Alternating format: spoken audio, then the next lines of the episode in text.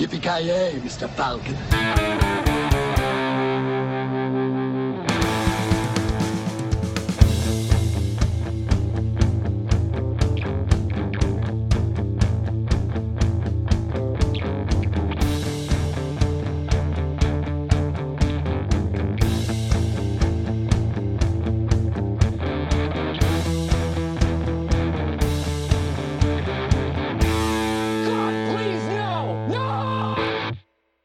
Jajamensan gott folk, då nu... Äh, vi kör om. Jajamensan gott folk, då får ni återigen nöjet att lyssna på oss på Creative Meltdown Podcast, eh, avsnitt nummer 47. Och med mig Kalle. Joakim Granström. Joakim Avoya. Och Kent. Och eh, ja, då har ju en av delar av poddens husgudar, har vi, och vi är många här, det hör jag. Vi är så här, eh, jag vet inte, hinduister allihopa tydligen när det kommer till husgudar, så Ja, Jerry Seinfeld har ju släppt en eh, ny ståupp-special och eh, ja, vi har tittat och försökt titta på den så eh, vi kan börja i den ändan. Kent, du, kan få, du som gillar Seinfeld så skarpt kan ju få börja då, kan jag tycka. Mm, ja, den heter Jerry before Seinfeld. Ja. Och är ju kategoriserad som dokumentär, så jag trodde att det var en dokumentär, men det, det var det ju inte. Det var ju bara en, en stand-up med lite, lite historier klippt emellan. Ja, men ska vi börja med Jerry Seinfeld? Alla vet väl vem, vem det är i princip, men han var ju komiker och eh, han är ju mest känd från självbetitelserien Seinfeld som är en av mina favoritserier genom alla tider så att säga. Eller vad, vad säger ni andra om, om Seinfeld-serien? Eh, alltså, jag tycker inte att Jerry är typ höjdpunkten i serien, utan det är mer George Costanza eh, är ju det. Och sen så är ju Larry David som har skrivit skiten, han är ju genialisk. Så ja, serien har ju så lite ups and downs ska jag tycka, men överlag tycker jag att det är helt okej okay ändå. Alltså jag, jag gillar serien, jag tycker, som Kalle, jag tycker inte Jerry Seinfeld är det bästa med serien. Jag tycker Oftast, oftast hans stand-up-delar där i slutet tycker jag oftast är kanske bland de tråkigaste. Det finns någon gång som man har skrattat men jag tycker oftast är det ju, det är ju Kramer och George Costanza som lyfter den serien. Uh, Seinfeld känns mer som lite grann som vi har pratat om Mad Max, en sån karaktär som är på sidan om bara och som observerar nästan. Jag tycker mm. hans delar är aldrig de som är roligast tycker jag. Men det är en ja. rolig, rolig serie tycker jag definitivt. Ja precis, han är lite den här straight guy karaktären som vi pratade om tidigare som är liksom mest, han är inte lika extrem som till exempel George Costanza eller Kramer eller... Ja, precis. Så, ja. Granström, vad säger du? Superfan? Ja, alltså jag tror, att, jag tror väl att vi har pratat om Seinfeld någon gång tidigare och jag har väl liksom så mycket annat. Jag har aldrig riktigt fastnat för serien. Jag tycker inte att den är jättedålig eller någonting sånt, men det är en sån där serie som jag har sett någon handfull avsnitt här och där och det har, liksom, det har väl varit okej, okay, men det har aldrig varit någonting som jag efter ett avsnitt har känt att oj, jag vill se mer av det här. Utan alltså var ja, mm. nu fördriver 20 minuter, nu går jag och gör någonting annat ungefär. jag har ju sett alla avsnitt flera vänder om så att säga. Jag älskar ju serien som sagt. Men jag älskar ju däremot inte den här äh, stand-up grejen. Eller jag skulle säga så här, jag, jag är ju ingen stand-up uh, fan. Alltså jag har, jag har liksom aldrig följt Jerry Seinfeld stand-up. Det, det mm. man har sett av honom det är ju i princip det som klipps in i serien och sådär. Nå något annat än det jag egentligen inte sett så jag är väl kanske fel, fel kategori och jag tycker det känns som att eh, Jerry Seinfeld tillhör en annan tid så att säga, både ja. i skämten och uh, han körde lite så här greatest hits gissar jag. Jo. Gamla skämt och nyare skämt som typ framstod som gamla skämt. Kan väl gå med men jag tyckte, jag tyckte det var svårt att ta sig igenom faktiskt. Och jag hade hoppats på att det skulle vara lite mer dokumentär. Han gjorde en dokumentär för inte så länge sedan. Som, som jag inte har sett men som ska vara rätt bra då, så att säga. Och jag trodde att det här skulle vara lite, lite mer så. Men det var ju liksom som sagt bara en, en stand-up i princip. Så äh, det, det gick inte hem för mig alltså. Vad, vad säger ni? Jag kände igen en hel del faktiskt måste jag först säga att om skämten från serien så är det definitivt gamla grejer. Måste jag säga vissa andra. Men äh, ja, som sagt, jag, jag, jag vet inte. Jag tyckte det var inte så, jag gapskrattade aldrig åt det. Jag tyckte, jag tyckte det var mer som, det var den timmen med pappa, dad, dad jokes tycker jag. Det kändes, det kändes som, det, som det. Jag känner exakt samma. Det är som någons farsa eller så här morfar eller farfar som som drar skämt för folk som är, det såg ut att vara ganska ung publik ändå.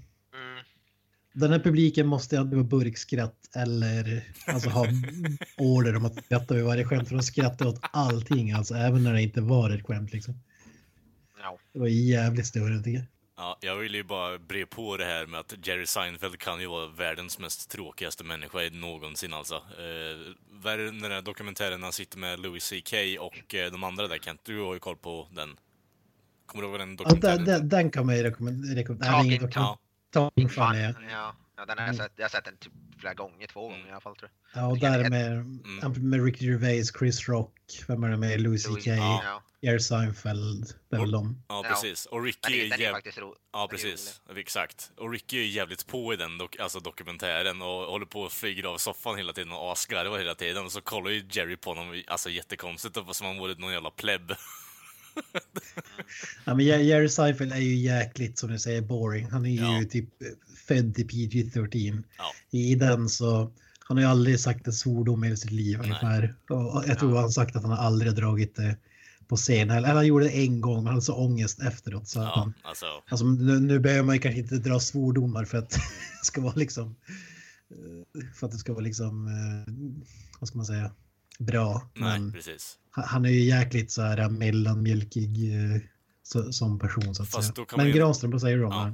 det? Det som jag, nu har ju ni hört eller sett betydligt mer av Seinfeld, så nu har väl en annan koll på vad han har gjort tidigare. Det som jag reagerar på när det kommer till den här stand-upen, det är ju om man jämför med den som vi såg tidigare, Dave Chappelles nya. Mhm. Så Seinfeld har ju inget flyt känns det som.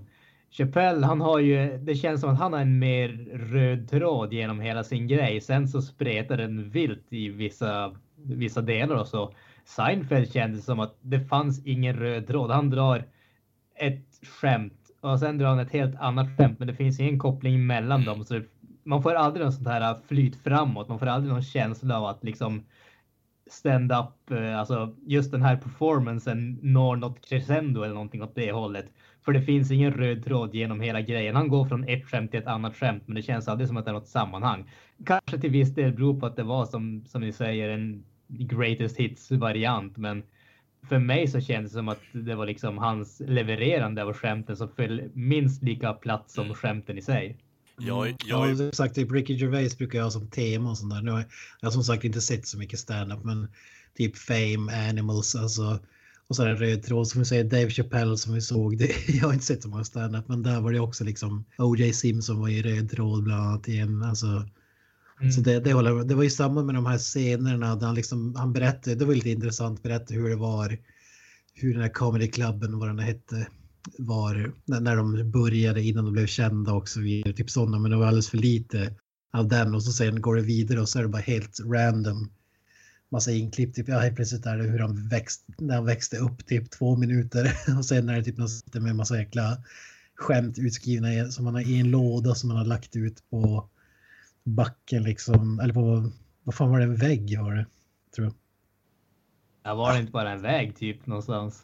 Ja, var det en väg bara? Ja. Jag tror, jag tror att det bara var en väg. Han, hade, han sa ju att han hade samlat alla skämt som var bra som han hade samlat på sig från 1975 eller vad det var fram till morgonen som de spelade in och han bara lagt ut det längs en väg ungefär och sitter där mitt i. Ja, äh, som du säger, spretigt som tusan och eh, skämt gick inte hem. Ett av de sämsta skämten var ju det här on a train, off a train. Alltså det kan vara bland de sämsta. ja, alltså, ja, alltså, Det var vi- cringe så in i ja, helvete. skoja alltså. inte alltså. Vi, vi var halvvägs igenom den biten, eller jag var halvvägs igenom den biten innan jag ens fattade att det var meningen att det skulle vara ett skämt.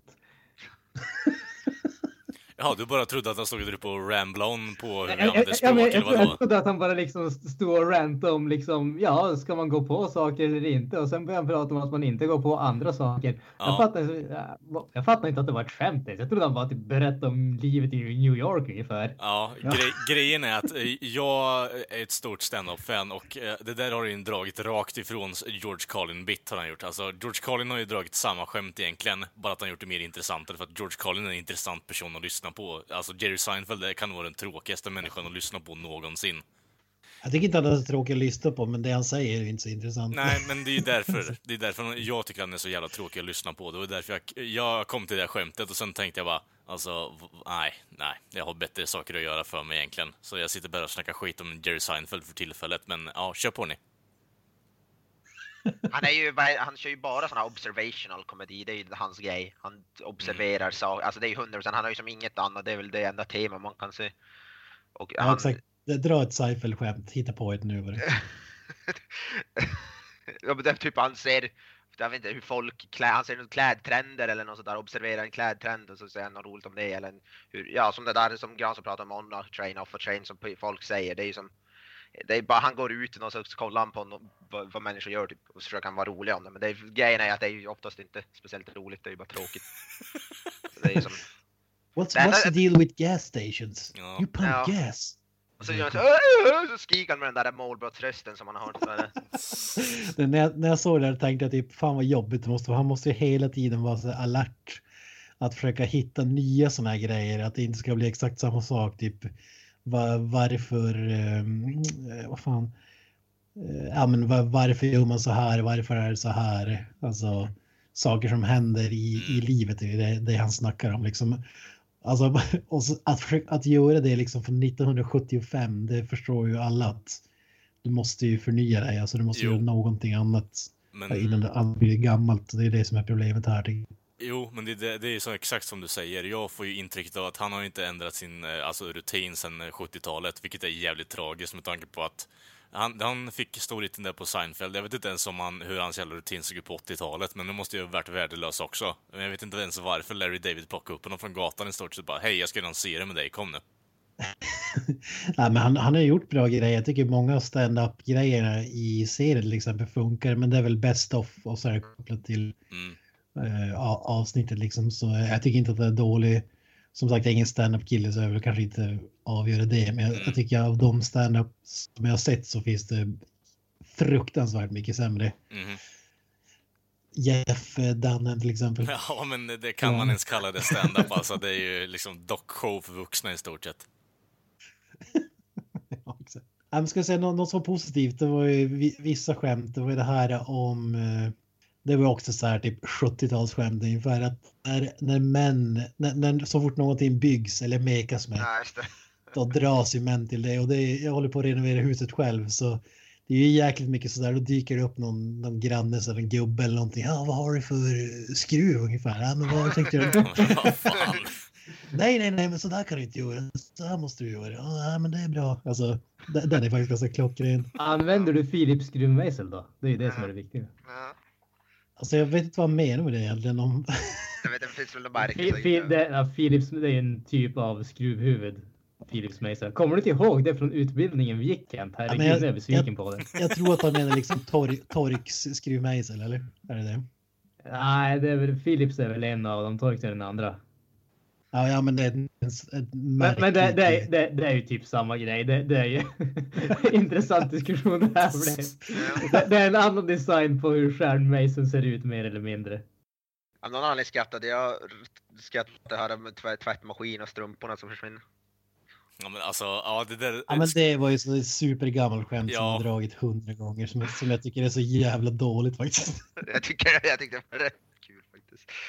Uh, jag vet inte, jag, vet, inte, jag skrattade åt den.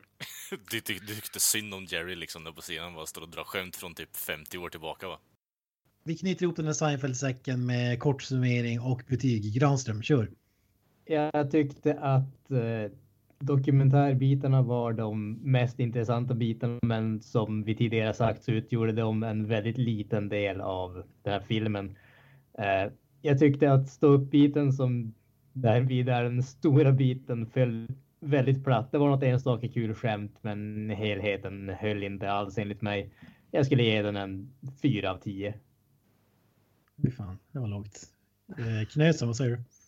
Nej, jag håller med Gan som om dokumentärbiten var klart det bästa. Jag tyckte det var lite bättre än vad han tyckte det var. Det var mer gemytligt än roligt. Det var som mer sådär på mysnivå nästan. Någonting som passar bra till kaffet och kakorna. Lite grann på den nivån.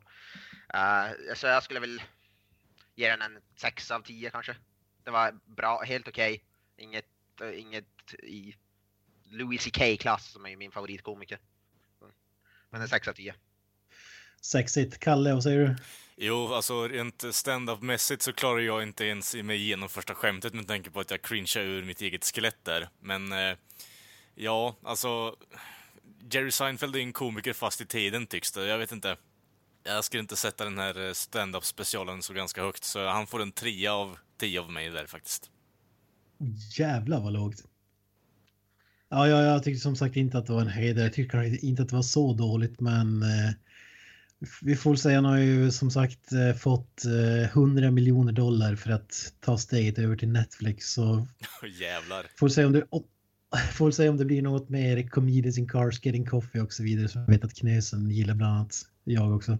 Men eh, så svag start. Jag gissar att det kommer komma en rad eh, Seinfeld-grejer här på Netflix. Det ser jag som fram emot bara för att jag gillar serien och jag har som en hopp att han kommer lyckas med någonting. För som sagt, Comedians in Cars eh, tycker jag ändå är, är hyfsat. Jag hoppas på någon sån grej eller en rak dokumentär istället för att göra den här mishmashen med konstig, konstiga val av stand-up skämt och otroligt märkliga historier, random grejer däremellan. Så jag sätter nog 6,6. Jävlar. Det var ju fan högt. Ja, det är ändå över medel för fan. Jag vill- jag vill- jag vill-. Jag ville bara att vi skulle få Number of the Beast, jag och Knäsen. Men Ah, jag Okej, säger- okej. Point taken, point taken. Nej, men Knösen 6,0 känns väl ganska rimligt. Nej, med de orden så stänger vi igen Seinfeld-delen och går vidare.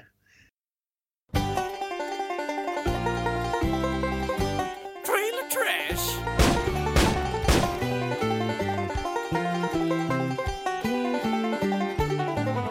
Vi har kollat på lite trailers här. Yes, Eh, box. Vi kan väl hoppa rakt in i det. kommer första riktiga trailern med Justice League, eh, Batman, eh, The Flash, Superman och så vidare. Avengers-aktigt, fast DC. Eh, Första riktiga med handling som vi har kollat på nu då. Vad, heter, vad kallas den? Heroes-trailern tror jag den kallas. Ja. Oh, awesome. As a bat signal, that's your. Oh. That's your signal. That means we have to go now. Yeah, that's that's what that means. It's so cool. Eh, Vad, vad, vad är första intrycket från dem? Vad, säger, vad tror du att det kommer handla om till exempel? Det är ju samma jävla eh, förstöra världen. Bullshit. Jag, jag var ledsen när jag såg den här trailern. Alltså, jag, jag måste ju säga att jag hå- håller faktiskt med Avoya i det här läget. Det känns som att eh, alla grejerna som eh, folk har klagat på i de tidigare DC-filmerna, det vill säga massa CGI, monster och sådana grejer som inte känns verkliga eller realistiska för fem öre. Det är liksom de har bara sagt att No, we're doubling down on this och sen liksom Ja. smäller de på med det till liksom 111 procent och så verkar det som att liksom karaktärer och allting annat som verkar intressant eller någonting sånt, det, det finns inte överhuvudtaget.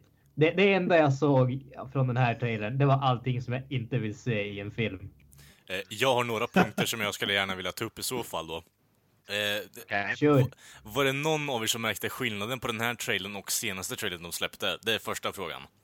Eh, och sen Ja. har jag en fråga gällande vad, varför flyger Aquaman i luften? Alltså Jason Momoa kommer ju skämma ut sig helt. Alltså, Han har ju redan gjort det. ja, men alltså, Nej, jag tycker han verkar ju skön tycker jag. Alltså, nej, alltså nej. hans, det måste ju vara någon annan som gör voice-over till hans liksom, catchphrases i den här trailern. Alltså det kan inte vara han själv. De är så jäkla... Det, det är liksom JPKA Mr Falcon över det hela tycker jag. Han är, han är typ det minsta jag stör på med den här trailern. Han, det, var faktiskt absolut det minsta jag stör mig på.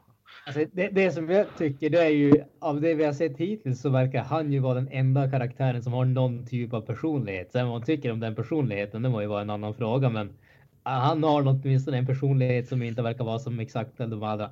Exakt som menar- alla de andra. Du menar för att han säger Right on man! Eller vad. Ja, precis.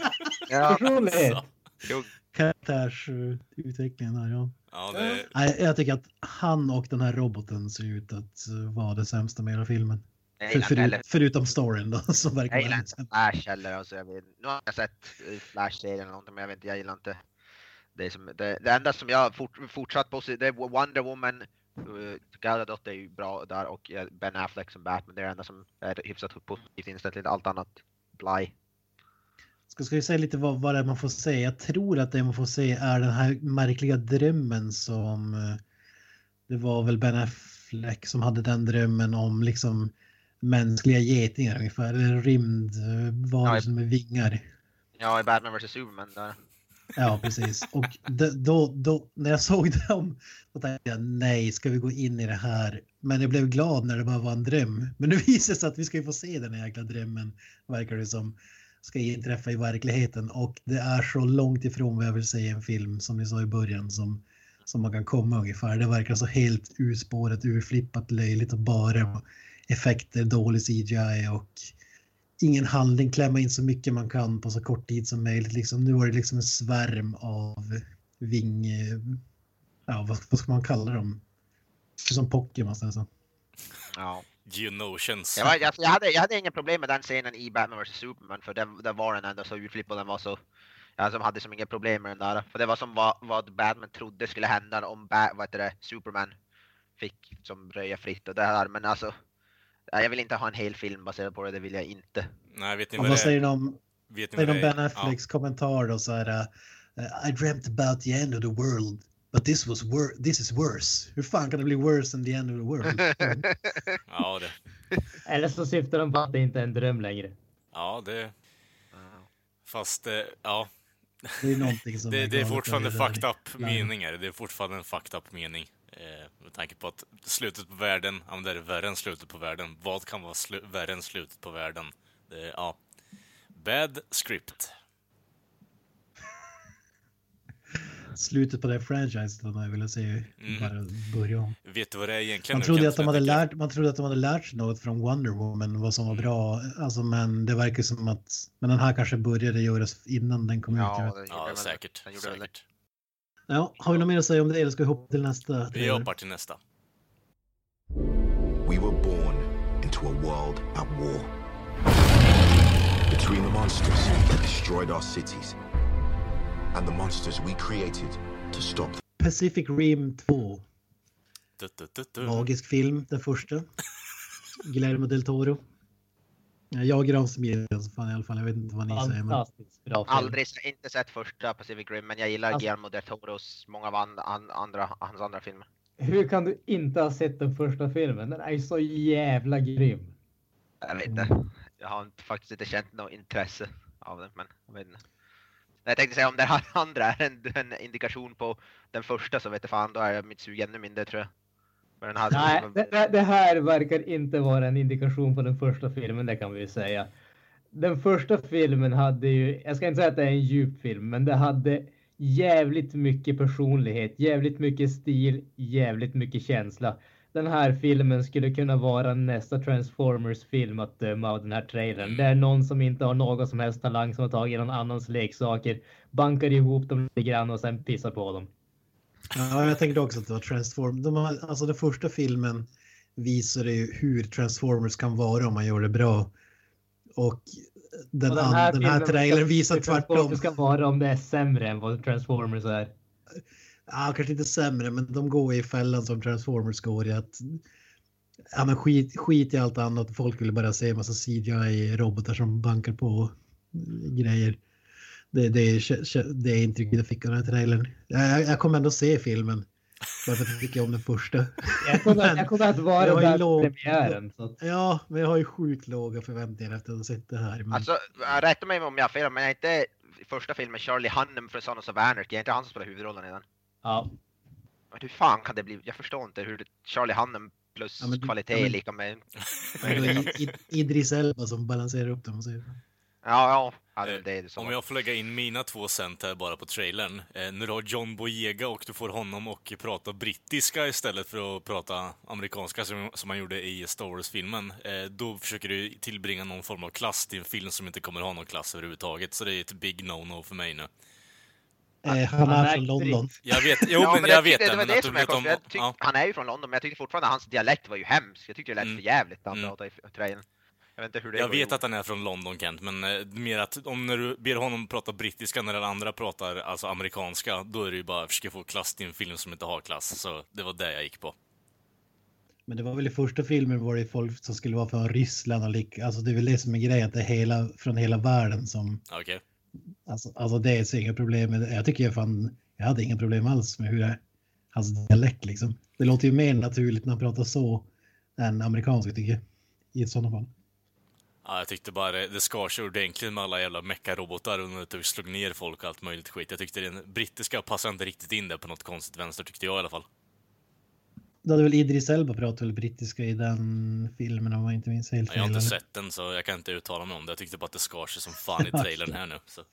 Jag vet jag, jag störde mig också på hans dialekt. Jag vet inte alls varför det lät, men jag tyckte det lät för jävligt. Ja, Man kan ju säga om den som inte har någon aning om vad handlingen är, det är ju liksom att eh, som vanligt i alla filmer vi har snackat om, världen har gått åt helvete och hotas, hotas av aliens från en annan, ja, ska man säga dimension eller vad man ska kalla Ja, det. Ja. skulle jag kalla det en dimension. Är det inte Och för att- Godzilla versus Transformers i princip? Ja, det är gigantiska monster som liksom kommer och härjar och eh, människorna, för att människorna ska försvara sig så har man byggt gi- gigantiska robotar som drivs av liksom två människor som sitter inne i, i den här eh, roboten och styr dem. Och eh, ja, det är väl typ det som är grejen. Jag tycker det var, alltså, när man såg där inifrån hur det styrs också, såg ju bara komiskt som sitter fast några jävla rep där de drar i. Det såg ju, jag vet inte alls vad jag skulle tycka om det. De ser som sprang i, det såg ut som att de sprang på ett jävla typ, eh, vad heter det, såna treadmill där inne när de rörde Ja. på sig. Och det, Jag tänkte mig att, jag tänkte mig att det såg ut som att de Ja. typ spasmade loss där inne i kubiken där ett tag, så jag vet inte riktigt. Det var ju någon som såg riktigt jävla psyksjuk också, de typ svingade massa piskor omkring sig i cockpiten också. Det såg ju helt CP-stört ut för fan. Ni hade hellre velat se någon som sliter som en galning i en joystick eller? Ja, ja, kör på det det. hade ju fan varit, det hade, Ja. det fan, det hade jag fan köpt mer alltså. Nintendo 8-bitars den här Ja, stora exakt, exakt så. Kontra vet du vad jag Ja, kör. lätt. Power Power Glove. Ja, exakt. Ja, It's so jag hade bad. se Power Glove. Ja, nej, men ska vi knyta upp den här säcken också? Jag, jag jag kommer se filmen, men förväntningarna är ju grymt låga efter de här första trailersen, eller vad säger ni? Mm. Jag är ju helt på samma linje som dig Kent. Det, jag kommer definitivt att vara där förmodligen på premiären, men jag har inga som helst förhoppningar på det här. Ska vi gå vidare? Har vi en eh, gissa filmen idag kanske? Yes. Det har vi. Okej. Vi börjar veta vad som gäller, men jag drar det ändå. Jag kommer att läsa ett antal repliker. Mina medpodcastare ska gissa vilken film de kommer ifrån. Är det några oklarheter kring reglerna? Nej. Nej. Kent, dra din fråga så ska jag förklara. Um, ja, men vi go, kör det som det goes along. Man, Vi tar det som det kommer med andra ord. ja, Learning precis. Doing. Så vad... Learning by doing, så sant som det är sagt. Jag kommer att dra replikerna i min eh, karaktäristiskt eh, emotionellt döda röst. Ska åtminstone försöka göra det. Så vi drar igång med replik nummer ett. Pump your brakes kid. That's ma- that man is a national treasure. eh, eh, ah, Pressure med Nicolas Cage. Nope. nej, det är inte. Pump your brakes kid, that man's national treasure. Ja. Mm. Nej, alltså, fan. Det är ju så segt. När man har någonting på tungspetsen gång på gång igen och man bara, nej. Ah, Okej, ja, ta nästa då. Okej, replik nummer två. I'm just like a little boy playing with a stick when he's nervous.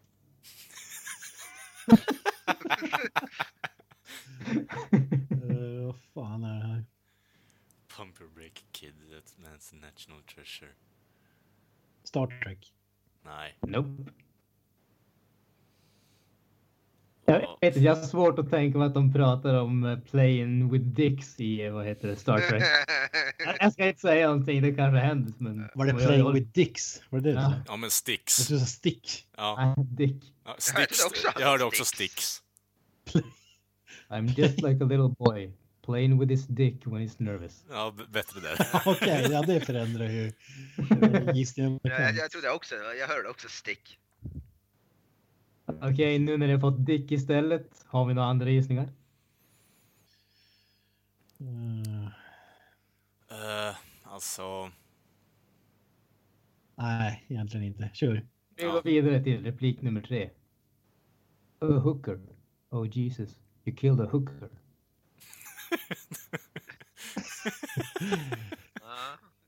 Dude, where's my car? Nej, Nope. nej. Alltså, American Pie. Nej, American Pie. American Pie 2. nej. Det är ingen av American Pie-filmerna.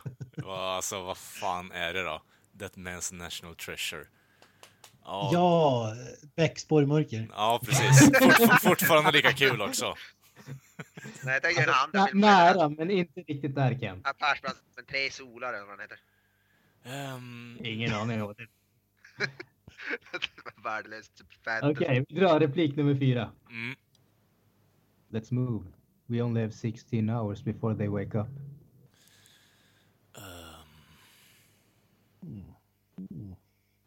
Nej, ingen aning alltså. Någon annan gissning? alltså, Okej, vi går in. ja, kör Ja, på. har Kör du på. Kör, nej, jag har ingen gissning. Kör på. Okej, vi går in på replik nummer fem. Nu börjar de bli betydligt lättare att känna igen. Yo, Tuggernuts. It's the pecker. Vad sa du? Tuggernut? Tuggernuts. För mig. Tuggernuts. It's the pecker. Alltså, nej.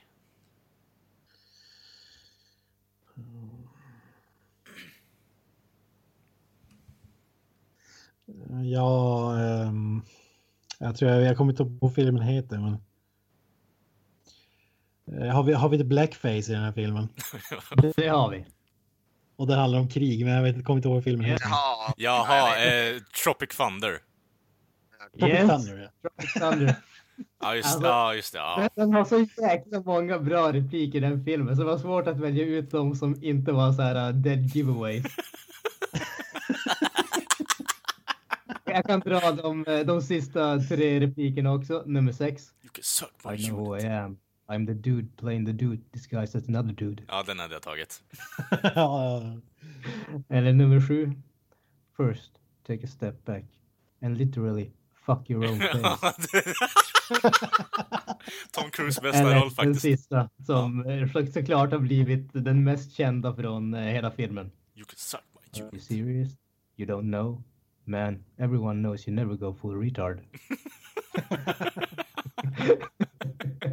ja, fantastisk film. Tropic Thunder, Ben Stillers eh, självregisserade film från 2008. Mm. Varmt rekommenderad. Den är så sjuk. Eh, Tom Cruise bästa Fan, jag, roll? jag, måste, jag måste erkänna att jag inte sett den faktiskt. Okej, get on Alltså, that shit. Ja, ja, ja, precis. Jag håller med Kalle där. Get on that shit. Alltså den är jävligt bra. Jag har hört mycket bra. Det var Sjukt länge som man såg den. Alltså. Kanske blir en eh, recensiondel Ja, nästa, ja, nästa säga det. vecka. Finns ju, finns ju på Netflix, för fan. Ja. Ja, vi går vidare. Vad har hänt i veckan? Kalle, kör. Ja, eh, har ju för, då, för första gången i mitt vuxna liv eh, kollat på bio själv och gått där och suttit i salongen och eh, kollat på Blade Runner då när den kom ut, så vi ska prata om lite senare. Men ja, jag gick till bio själv för första gången och eh, hade inget, blev inte ackompanjerad av vänner eller någonting som man kunde sitta och diskutera filmen innan och snacka skit under filmen när man hade tråkigt och ja, diskutera filmen efteråt också. Det, nej, kompisen jag frågade hade inte tid så då tänkte jag ah, fuck it då, för vi skulle ändå prata om den här veckan så vi, jag var tvungen att se den i alla fall så jag fick gå själv. Har ni varit på bio själva någon gång grabbar eller?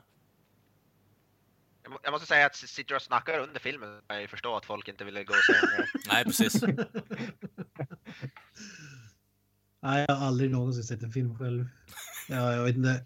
Jag vet inte varför, alltså själv, men inte på bio själv. Så att Mm. Nej. jag, vet, jag vet inte varför det har blivit så. Det är väl ingen speciell anledning till. Nej, Jag känner ju att... Skulle kunna, skulle kunna tänka mig det kanske. Ja, varför inte egentligen? Spelar väl ingen roll egentligen. Nej. Jag, som jag sa tidigare, jag, jag går ju faktiskt och ser de allra, allra flesta biofilmerna själv eller ensam. Mm.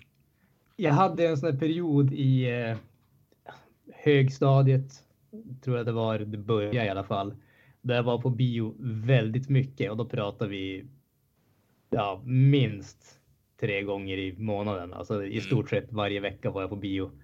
Och det, det blev helt enkelt så att eh, mina kompisar var inte intresserade av att se filmer lika ofta som jag. eh, jag gick och såg dem och så blev det att ja, men då började jag som gå själv. Och liksom första gången när man gick så var det väl lite awkward och sådär. Men sen så, så, så som allting annat man gör ofta, då, då släpper ju de den, Mm. den känslan.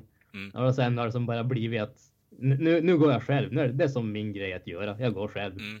Det, är det någon som vill följa med ibland så givetvis, nog kan det vara kul med sällskap och sånt där. Men det är inte så att jag saknar liksom saknar att gå med någon eller saknar att jag måste ha någon diskussion efter filmen eller någonting åt det hållet. Utan Mm. det, nej, det, det är som bara jag är vant vid att gå själv helt enkelt. Jo, jag känner väl mer att jag har vant mig vid att gå med, med människor och ha de där diskussionerna efter filmen än- ändå liksom. Så det, man, ja, men det kan nog bli en ny era i filmtittande för min del nu faktiskt. När jag känner att det är en bra film på bio så kommer jag nog fan gå. Eh, Kolla av läget först och sen så skiter det sig för deras del med schemamässigt så får jag väl gå själv då. Det kommer inte vara en större del. Är, är, det någon skillnad, är det någon skillnad att se en film själv jämfört med någon polare? Jag vet inte. Jag, jag tycker att det blir lite en annan stämning när man går och ser på bio, typ i en grupp och bara snackar lite skit. Alltså, jag tycker det är en trevlig grej att göra. Det, det är väl lite mer det jag har kopplat samman här, att fan gå på bio själv, det är ju skittråkigt. Alltså, ja, not true egentligen nu, men alltså det, det är en helt annan grej, är det ju.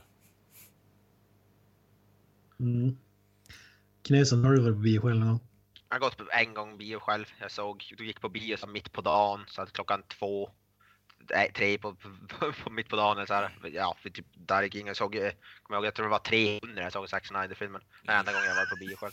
Jag har väl ingen speciell, eh, alltså att jag tyckte det var bra eller dåligt. Jag, jag är inte sån som sitter och pratar så jättemycket under filmen jag är på bio heller, så den delen saknar jag inte. Det är möjligtvis lite före och efter, men jag, har väl absolut ingenting emot att se film själv så. Jag, jag ser ju film ofta själv hemma och sånt där också. Mm. Så jag har absolut ingenting emot det. Det börjar bli bara att det blir att om man ska gå på bio så man frågar någon kompis eller någon kompis som bjuder med. Mm. Mm. Men Jag vet, jag vet, när man var yngre då var det många som snackade om att man skulle aldrig någonsin kunna gå och se en film på bio själv. Att det skulle vara så pinsamt liksom. jag, vet, jag vet inte om det är så än idag. Ja, det kanske är det som ligger kvar lite i alltså, bakgrunden, men alltså, nu är man ju äldre och skiter egentligen bara, okej, det är pinsamt att gå på bio själv liksom. För jag gick in där i salongen först av alla, eh, satte mig i mitten, mitten av mitten liksom på biografen där. Och så kommer det in typ 15 par bara ska se på Blade Runner och jag bara, jaha, ja det var ju kul det här. Och så såg jag en jävel som var, kom in ensam också.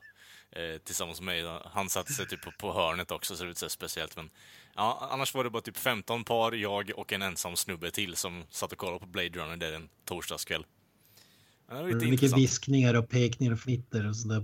Ja, det var faktiskt, det var faktiskt ganska tyst var det. Det var ganska respektfullt faktiskt. De, det fanns ju bara typ ett skämt i filmen som vi kan ta upp senare, men... Ja, men jag, menar när ni gick in i salongen och folk såg att du satt själv där. Nej, nej, nej, det, det var ingenting jag lade märke till. Det är kanske om folk bakom bara kollar på den där idioten sitter där. Psykfall, Ja, precis. jag tror man överdriver det där lite i sitt huvud. Jag tror folk ger blanka fan i om, om någon annan ser en film själv eller jo. inte. Så jag tror, man- det tror jag mest är deras eget huvud. Jo, jo, Ja, men absolut. så är det, det, så är det ju med verkligen livet. Man, man bygger ju upp allting i huvudet för att man tror att alla liksom bryr sig om vad man gör. Mm. Och verkligheten är att man är fullkomligt ointressant i de allra, allra flesta människors ögon. Ja. De, de skiter fullständigt i vad man gör Ja. eller vad man håller på med. Eh, lyssna och är sprid, eh, sprid gärna podden allihopa som lyssnar där ute.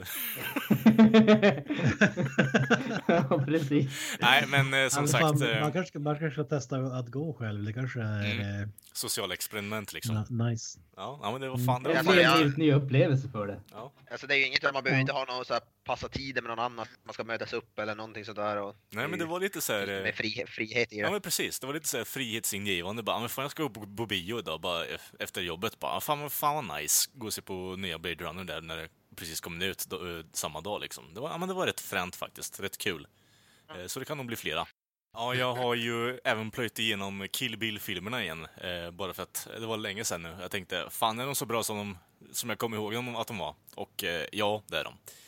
Fan vad bra de är. Alltså det, det är värt att påminna sig själv lite ibland att eh, Tarantino är kung på det han gör för att han är riktigt bra på och eh, ja, dels dialog och sen eh, bara liksom rent filmografimässigt. Alltså det, det ser så jävla underbart ut. Eh, Och fight-scenerna i första filmen, är ju, alltså det är, de är klassiska för fan. De håller på och breakdansar på blodigt jävla glasgolv och med två stycken katanas i handen. Alltså det är så jävla fräckt är det ju. Gud, Ja, det är ju- alltså. Jag är gigantiskt Tarantino-fan, men det är fan de filmer som jag känner inte så här... äh, Mm.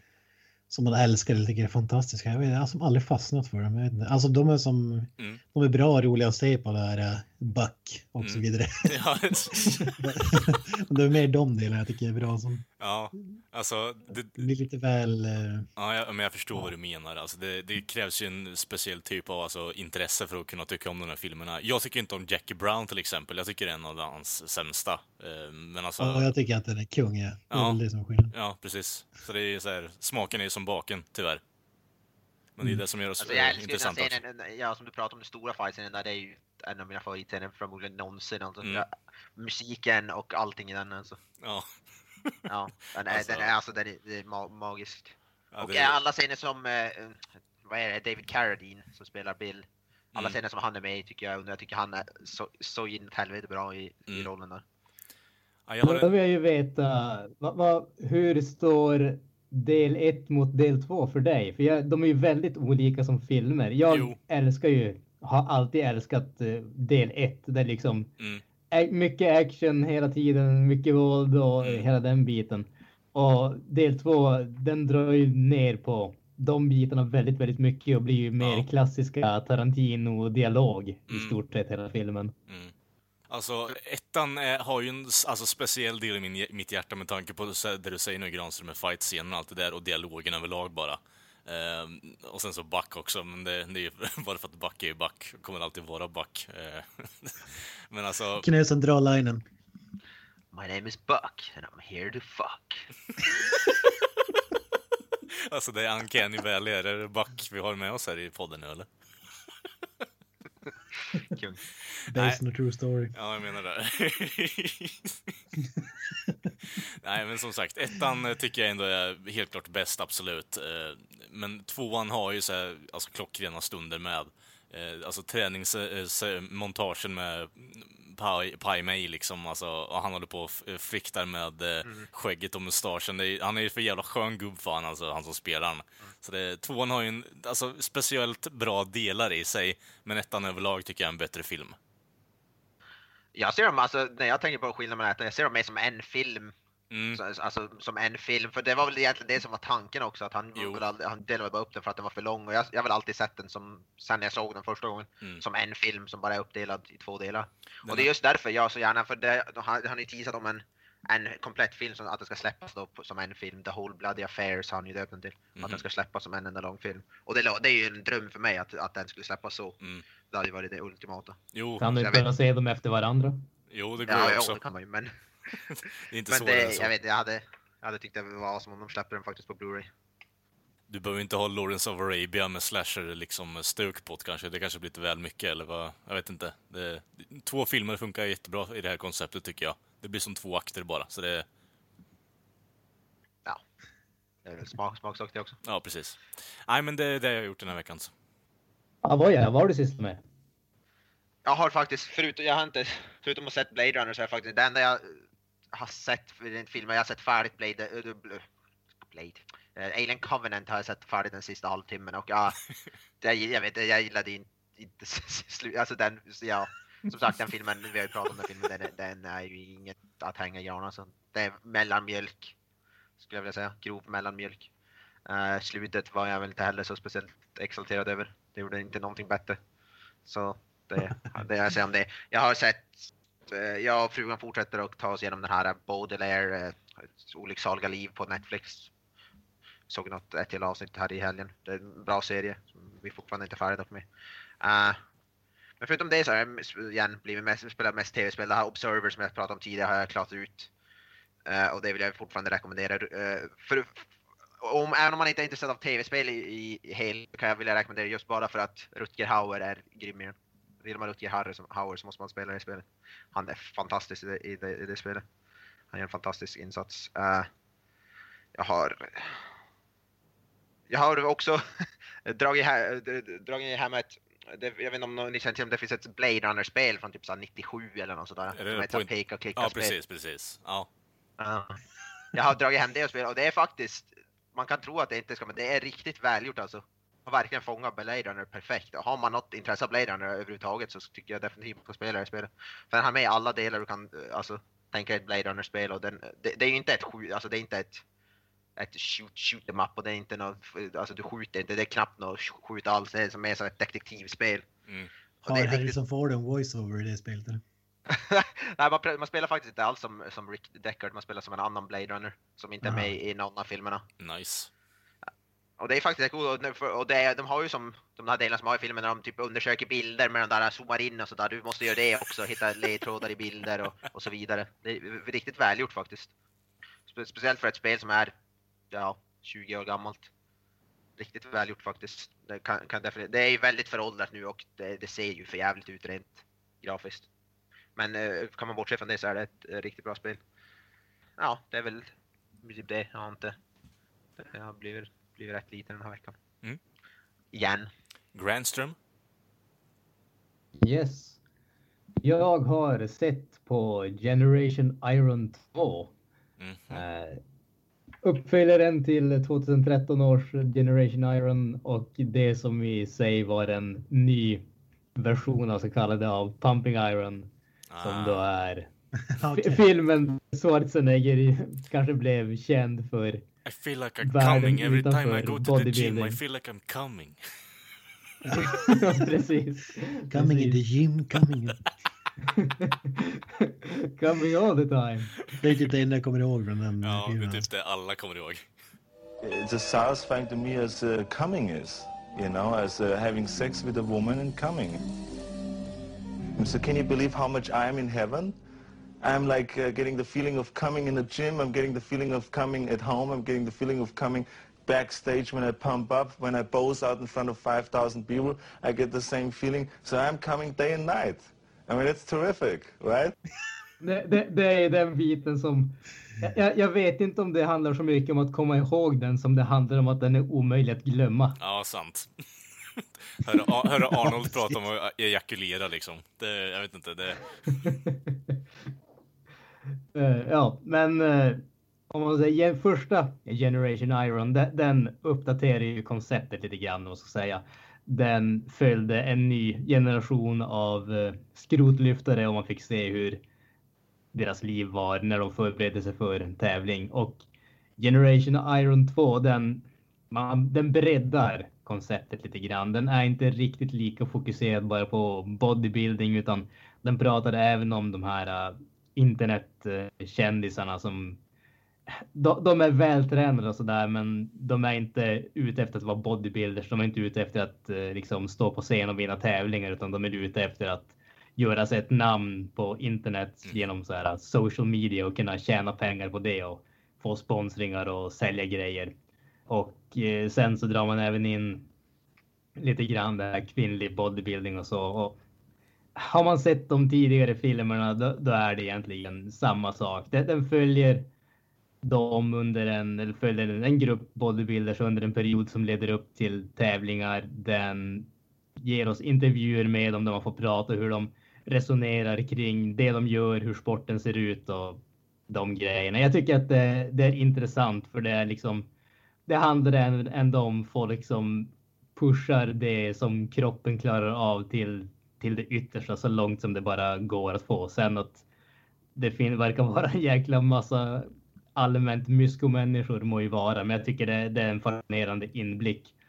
Jag tycker väl inte att filmen som så gör någonting speciellt nyskapande eller intressant, utan jag, jag ser den mest för att jag har en fa- fascination kring ämnet.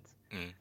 Men Sto, ja, sto, har, har man ja, stora, muskulösa, mä- stora muskulösa människor eh, i eh, spandex. Det, Ja, i, i stort sett så är det. Eh, kort- kort- så kort- kort- kort- Va- Varken mer eller mindre. Ja, precis. Kort seriös fråga där bara, Granström. Eh, tar de upp Ja. mycket om steroider och sånt också i dokumentären, eller? Lite grann pratar de om Mm. det, men det har varit lite grann så i de tidigare filmerna också. De, de snuddar på ämnet, men det är som det känns som att de vågar aldrig riktigt gå in på djupet. Ah, okej. Kanske till viss del för att liksom de vill inte Nej. skapa för mycket kontrovers kring sporten och sådana grejer får jag en känsla av. Men sen är det givetvis så att det är väl mer eller mindre en öppen hemlighet. Alltså ingen går omkring och ser ut som de här människorna gör utan att pumpa sig fulla av Nej. en jäkla massa grejer. Liksom, om, om, du tror, om du tror att du kommer att nå dit genom att äta en massa kyckling och ris, då är du dum i huvudet. Det är liksom... Jag- Vad säger jag- du? Jag har ju nå- jag har nått dit utan steroider. Gröt, banan. Ja, exakt. Ja, precis. Ägg, Nej, ägg alltså- och hårdbröd. Ja, precis. Nej, men det, det känns lite grann så. Alltså, de, de kanske inte känner att de behöver prata om det helt enkelt därför att alla fattar att de håller på med det. Även om jag tycker att det skulle vara intressant att höra hur de som håller på med det faktiskt resonerar om det. Jo, precis. Det var, det var ju nyss en han superkände Rich Piana. Ja, Rich Piana, han är med i den här filmen också. Han är det. Han dog ju för typ, är det en månad sedan kanske? Ja, det är väl någon månad sedan. Det var väl typ mitt i sommaren han dog tror jag. Ja, det var så länge sedan. Ja, Det var väl på grund av han såg ju helt sinnessjuk, alltså bara så här äcklig ut. alltså, Ja, men han, han, är ju, han, han säger faktiskt, det ska man faktiskt eh, ge han lite cred för. Han säger öppet i den här eh, filmen att han har tagit eh, steroider i 25 år och han kommer fortsätta ta det i liksom resten av livet och han vet att det liksom han vet att det har fuckat upp hans kropp, men han har gjort det så pass länge så att skulle han sluta så skulle inte kroppen liksom fungera överhuvudtaget.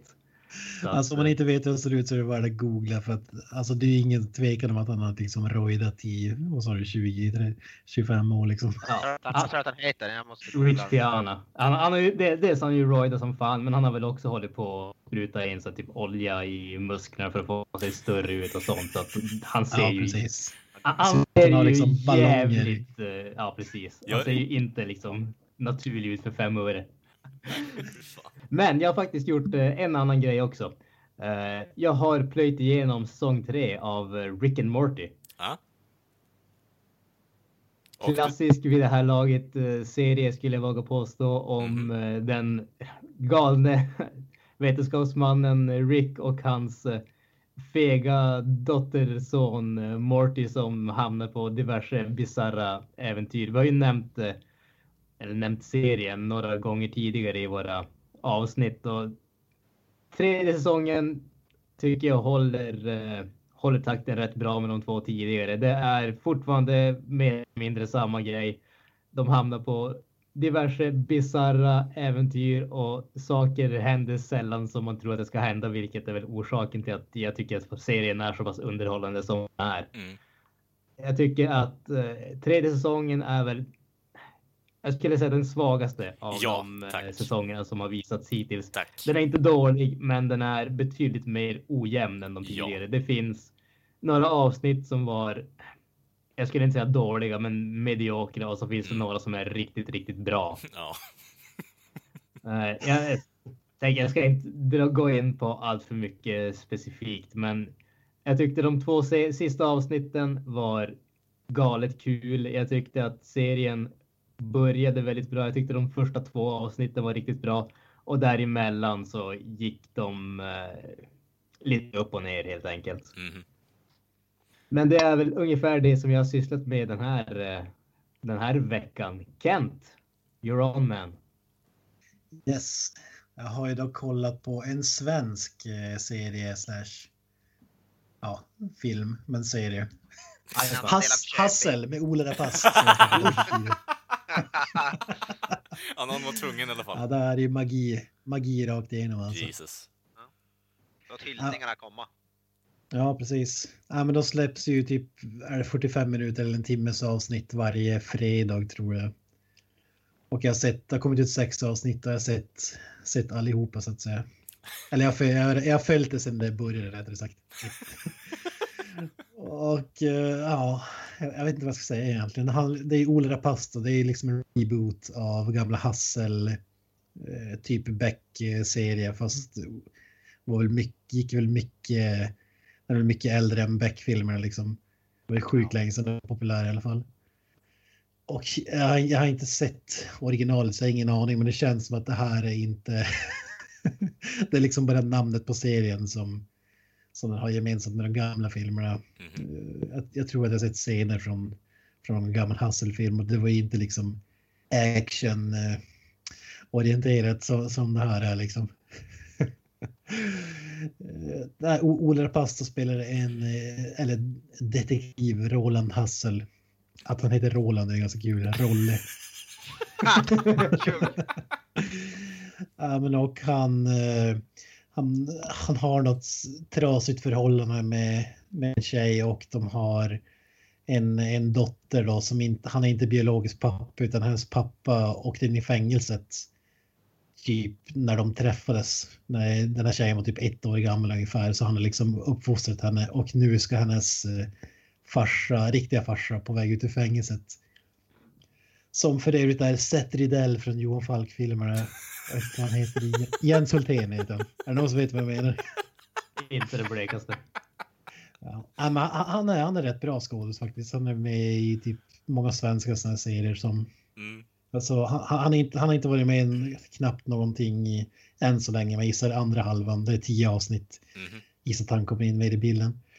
Men det handlar ju om att hans uh, Ola Rapace eh, partner eller typ polis som har tränat upp honom som blivit typ fadersfigur. För han har givetvis ingen kontakt med sin mors och farsa, eh, Ola Rapace, utan den där gubben har varit liksom hans farsa egentligen har lärt upp honom polisyrket och så vidare och han blir mördad då. Och det är fallet han ska försöka reda ut. Det, så det är inte så här ett fall, nytt fall varje vecka utan sjukt långt utdraget. Alltså det händer inte mycket i den serien. Det låter svenskt. Jag tror. Ja, precis. Har ni hört det här förut? Han jobbar i ett team som använder brutala metoder. Ja. Det låter som den svenska... Alltså, alltså det här är ju den, Ja, sven... det här är den svenska våta polisdrömmen egentligen alltså. Det, jag vet inte, det är någonting sjukt över det här. Alltså, det, alltså, ja. Polisporr skulle jag vilja kalla det egentligen, den här genren som Sverige bara pungar ut hela jävla tiden. Ja, det är ju Sjukt det. ekonomiskt smart. Den här serien kommer sä- är säkert skitpopulär. Oh ja. Fan. Den går, jag vet inte om jag sa det, men den går ju på Viaplay då. Och förmodligen på Viasat filmkanalerna. Eh, Micke, men, har Micke P varit med ändå? nej, han har inte det. Jag tror inte det. Däremot Shanti Rooney spelar ju samma karaktär som gör i alla de här deckarna. Arg, skum, skäggig snubbe. Fy fan. Ja, det. Du har ju eh, sämst, om vi Anna Gil Melo Nascimento, catchy name, Okej.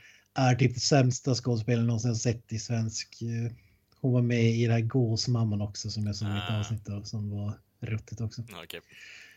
Fruktansvärt dålig skådis. Men eh, det jag kan säga om den serien, det är liksom, det är ju i princip en Beck-film. Men jag tror att man försökt göra en light, light, light, light, light version av True Detective. Aha.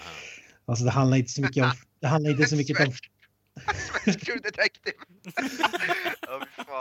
Med, med, med, det, med det menar jag bara att man har mer fokus på hur livet är för eh, liksom polisen eller vad ska man Mm. kalla de här i den här insatsgruppen, så kallar det hur de påverkas och så vidare. Snarare än själva Okej. fallet är liksom sekundärt. Alltså det har gått sex avsnitt och de har inte tagit sig en Nice. centimeter i princip. Jag ser framför mig Micke Persbrandt sitter där som Matthew McConaughey med typ långt hår.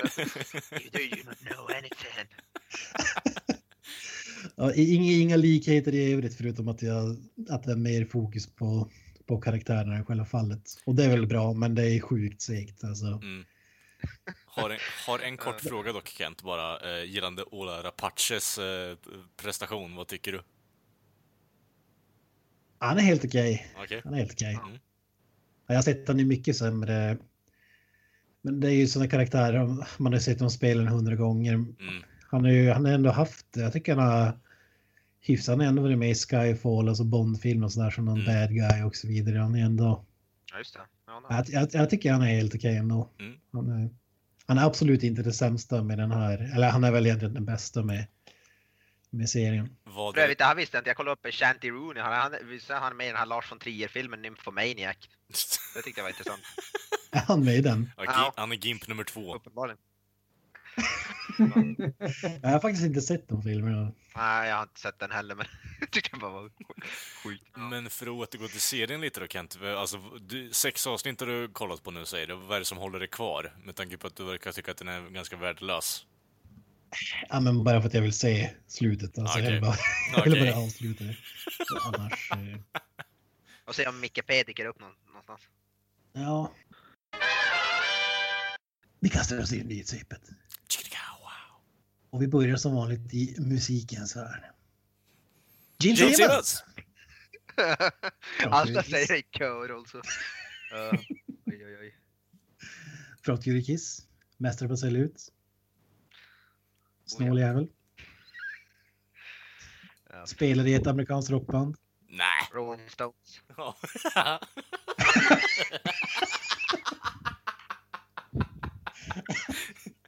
Ja. Ja, juxtaposition. Ja, samma tidsålder i alla fall. Nej. Ja, men vi har ju snackat om den här uh, välgörenhetskonserten med Ace Frehley. Ja. Eh, Ace Frehley för den som inte vet har ju fått kicken från Kiss, jag tror att det är tre gånger. Eh, I princip för att han är alkis. det är den korta storyn som jag har förstått det i alla fall. Och Gene Simmons är inte alkis alltså. Ja, men han drar i trådarna så att säga, så det är väl det som är skillnaden. Oh, så den drunk på power också så. Ja, exakt. Ja, man gjorde det här uh, gigget för uh, var det Hurricane-grejen och så vidare. Mhm. Just det. Och, och så då har ju folk frågat liksom, "Ko- finns det någon chans att Ace Frehley kommer tillbaka till Kiss på heltid? Nope. That's not gonna happen. Nej. Nej, självklart. Ja, det är klart. Uh, fan, man hade ju velat se honom få kicken, alltså fullbordad det här fem, fem gånger liksom. Är det bara jag eller? alltså, i det här fallet så I couldn't care less about Kiss anymore. Alltså det, jag vet inte. Hela den här nyhetssvepet är dedikerat till, alltså någon form av intresse har ju funnits där bara, alltså Detroit Rock City är en bra skiva liksom, men alltså nej, alltså det, det, det surnar ju bara mer och mer ju mer skit jag hör om den här mannen alltså. Det, nej. Nej. Jag ser framför mig när du sitter och sätter ihop några nyhetsflöde och så här RSS-feed med bara Gene Simmons. Ja. Så du får direkt updates om det kommer att uploada Gene Simmons. Jag slog upp Aftonbladet och där är han ju varje dag. Fy fan. Det är fan tragiskt alltså. Ja, men det är sju- sjukt aktuell måste man säga. Ja, eller hur? Ja, alltid, ständigt aktuell. Granström, vill du säga Ace Frehley tillbaka eller? Ja, det vore ju en dröm alltså. Det, det känns ju verkligen som att eh, det är det som Kiss saknar i, i dagens läge. Ja. De har ju alltid varit, alltså, det, det går ju inte att understryka tillräckligt deras tidslösa relevans genom ja, i stort sett 40 år av eh, genialitet. Och det, det känns ju som att eh, det enda som skulle kunna sätta liksom, pricken över i på den genialiteten, det är ju Ace Frehley tillbaka i bandet igen. Det, det är en- skulle vara en dröm som går i uppfyllelse helt enkelt. Jag tror han skulle sälja några Kiss-kistor faktiskt om Mm. skulle komma tillbaka. Granström speaks the truth. Ja, jag vill lämna, med de orden så lämnar vi Gene Simmons Tack. och går vidare till den här nyheten. Magiska filmfranchiset Rush Hour kommer få en fjärde film, har Jackie Chan nu bekräftat. Det måste ju vara good news för, för alla, eller vad säger ni? De alltså, Rush Hour-serien är ju klassiker. Jag, trean, visst, det är ingen höjdarfilm på något som helst sätt, men alltså de första två filmerna, de är fan bra. Jag älskar de filmerna.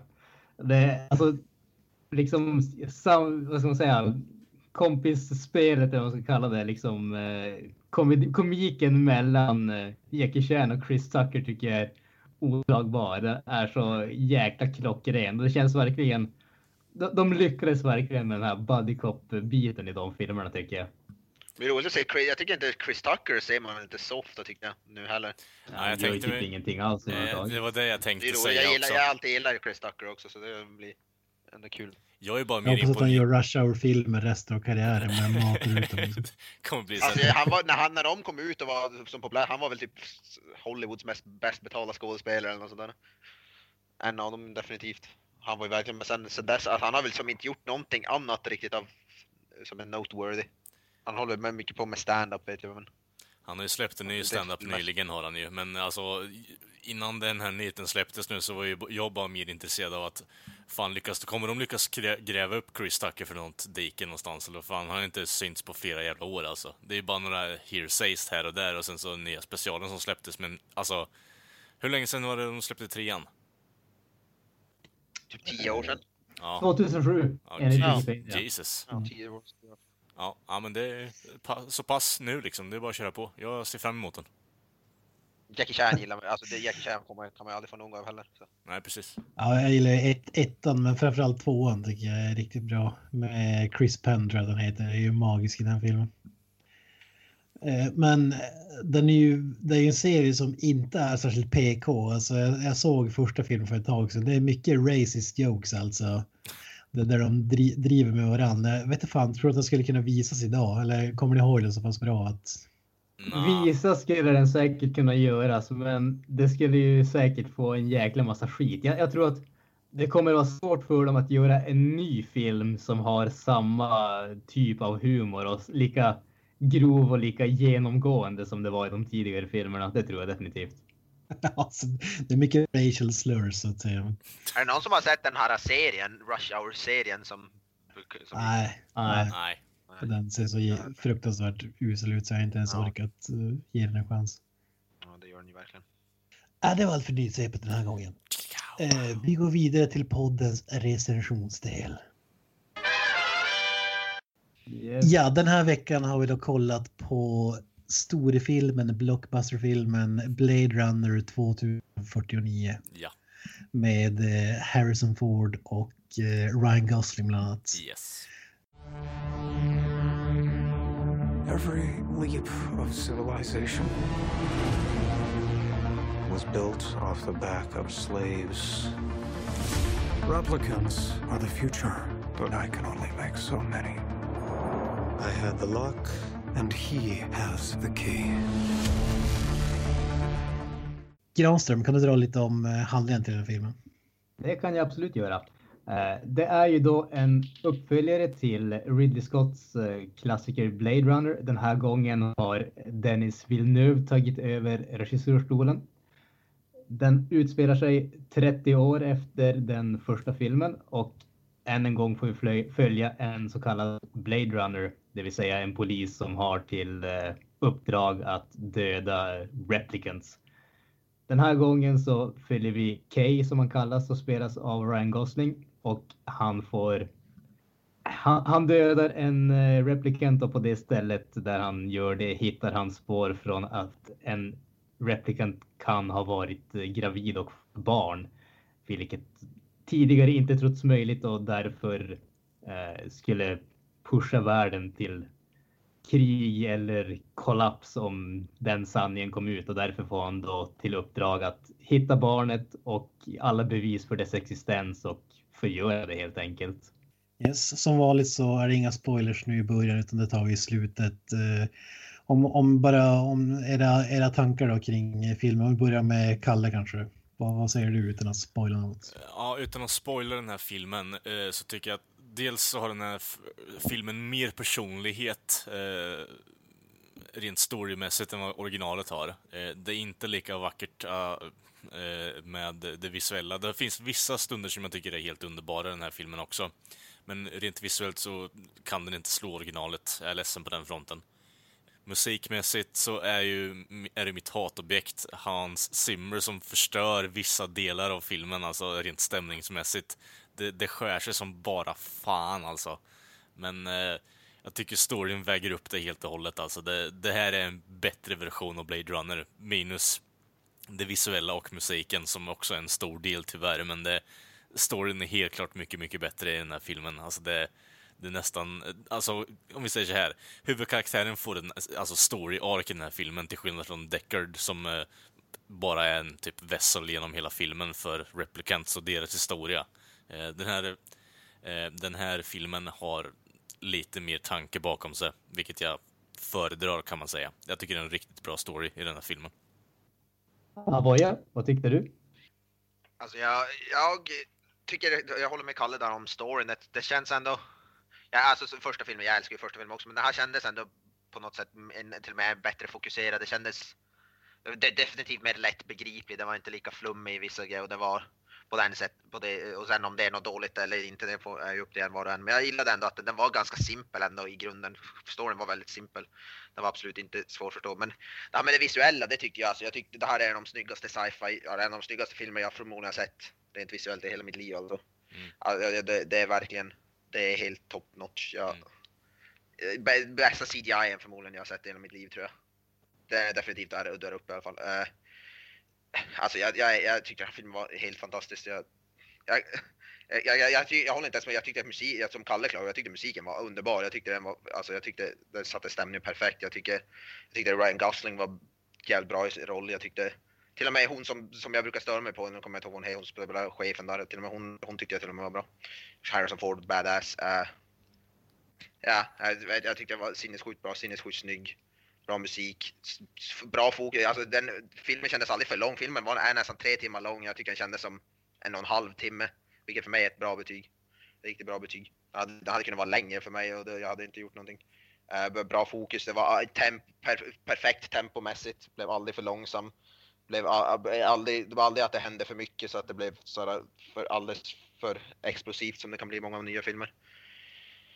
Ja, jag tyckte alltså, för mig, det är en, en av de bästa sci-fi filmer jag har sett i hela mitt liv. Förmodligen. Alltså, jag tyckte det var helt, helt fantastiskt. Mm. Granström, säger du? Jag lägger väl, jag lägger väl med något. Jag kan inte prata nu. jag lägger mig väl någonstans mellan jag och Kalle. Jag tycker precis som Kalle inte att den visuella biten var lika slående som den första. Kan väl till viss del bero på att eh, den för, när den första kom så hade man inte sett någonting som var riktigt på mm. det sättet. Det känns helt enkelt inte som att den här filmen sticker ut på samma sätt. Nej, Däremot så är det ju fortfarande en väldigt, väldigt snygg film. Det råder ingen tvekan mm. om den saken. Jag tyckte om soundtracket. Det är ju väldigt mycket så här eh, dunkande trummor och ja. elektroniska ljud och det tilltalar ju mig. Så att eh, jag tycker definitivt, definitivt om den biten. Det jag kanske inte var lika förtjust i, speciellt, det, vad fan händer med min Det jag inte var lika förtjust i är ju längden av filmen. Till skillnad från Avoya tyckte jag att den här var åt helvete för lång. Och jag vet inte om det beror på att jag satt och såg den i en stor biograf som var halvfylld och jag frös igenom större delen av filmen. Men för mig kändes det som att de kunde ha kapat 45 minuter av den och den liksom, det hade inte gjort filmen sämre. Den är handlingsmässigt tycker jag att den är väldigt, väldigt bra. De har uppdaterat konceptet som de hade från första Blade Runner på ett eh, väldigt bra sätt tycker jag. Filmen känns modern, den känns smart. Det känns inte som att man måste ta lika många om man säger lika många. Man, man behöver inte ta logiska hopp på samma sätt. Första filmen som vi diskuterade om i avsnitt 45 var ju ganska mycket lämnades upp till våran egen tolkning av den så att säga. Den här filmen känns inte riktigt lika fri för tolkning, åtminstone inte när det kommer till de stora dragen. Den har en tydligare röd tråd känns det som. Och det uppskattas definitivt tycker jag. Men den stora svagheten som jag sa tidigare, det är ju längden av filmen. Den är helt enkelt för utdragen. Jag tycker att skådespeleriet håller en riktigt, riktigt hög klass i den här filmen. Ryan Gosling som ju, jag ska erkänna att jag aldrig riktigt tagit honom seriöst som skådis. Han har alltid varit den där snubben som han ser bra ut och det är i stort sett det som de andra karaktärerna ska tycka om han också. Han ska stå där och vara snygg ungefär. Men han har som aldrig gjort någonting som har känts direkt utmanande eller intressant. Och jag kände att den här gången så har han det, det klickade på ett sätt som eh, jag mm. faktiskt inte ens tyckte riktigt om Harrison Ford i den första filmen. Jag tyckte Ryan Gosling överraskade mig riktigt bra i den här filmen.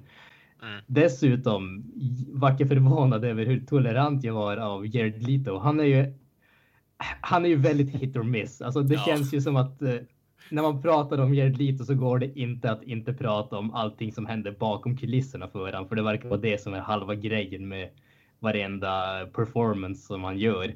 Och den här gången var det då att han hade kontaktlinser och såg inte ett jäkla skit ens i, eh, igenom dem så att säga. Och det var ju som vi pratade om det i Suicide Squad också där han höll på att göra en massa mysko-grejer som Joker. Men jag tyckte att han gjorde en riktigt bra roll i den här filmen. Jag tyckte att han kändes han kändes som en karaktär som verkligen hörde hemma i, eh, i den världen. Sen om eh, hans eventuella blindhet med hjälp av linserna gjorde någonting bättre eller sämre, det vet jag väl inte om jag ska uttala mig om direkt. Mm. Jag håller med, det, det, glömde jag också, men jag tyckte Jared Leto var riktigt bra faktiskt. Han blev, alltså, jag tyckte han kunde haft nästan lite mer screen time, han var med förvånansvärt lite faktiskt. Jag tyckte, jag tyckte han var riktigt bra också. På tal om en som var med förvånansvärt lite. Jag var ju extremt förvånad över att eh, Dave Batista inte var med mer i filmen. Ja, ja det var jag också faktiskt. ja, men det jag, tyckte han, jag, jag, tyckte han var bra. Jag gillade det lilla som mm. han hade förvånansvärt bra närvaro tyckte jag i den scenen han var med i. Ja. Jag, jag, jag gillade faktiskt han. Eh, kort grej där bara på skådespeleriet Granström. Eh, alltså, var det bara någon mer än jag som tyckte att Harrison Ford gave a fuck for once? Alltså det var fan alltså, uppfriskande att se faktiskt. Jag, jag kände samma grej där jag också. Det kändes som att efter Star Wars eh, Episod 7, jag var, alltså, det kändes ju som att han ville vara färdig med den ja, franchisen ja. ungefär. Och när, när, vi liksom, när jag hörde att han skulle vara med i den här filmen så tänkte jag att ja, det första som kommer att hända är att han blir skjuten i skallen så han inte var med någon mer i filmen.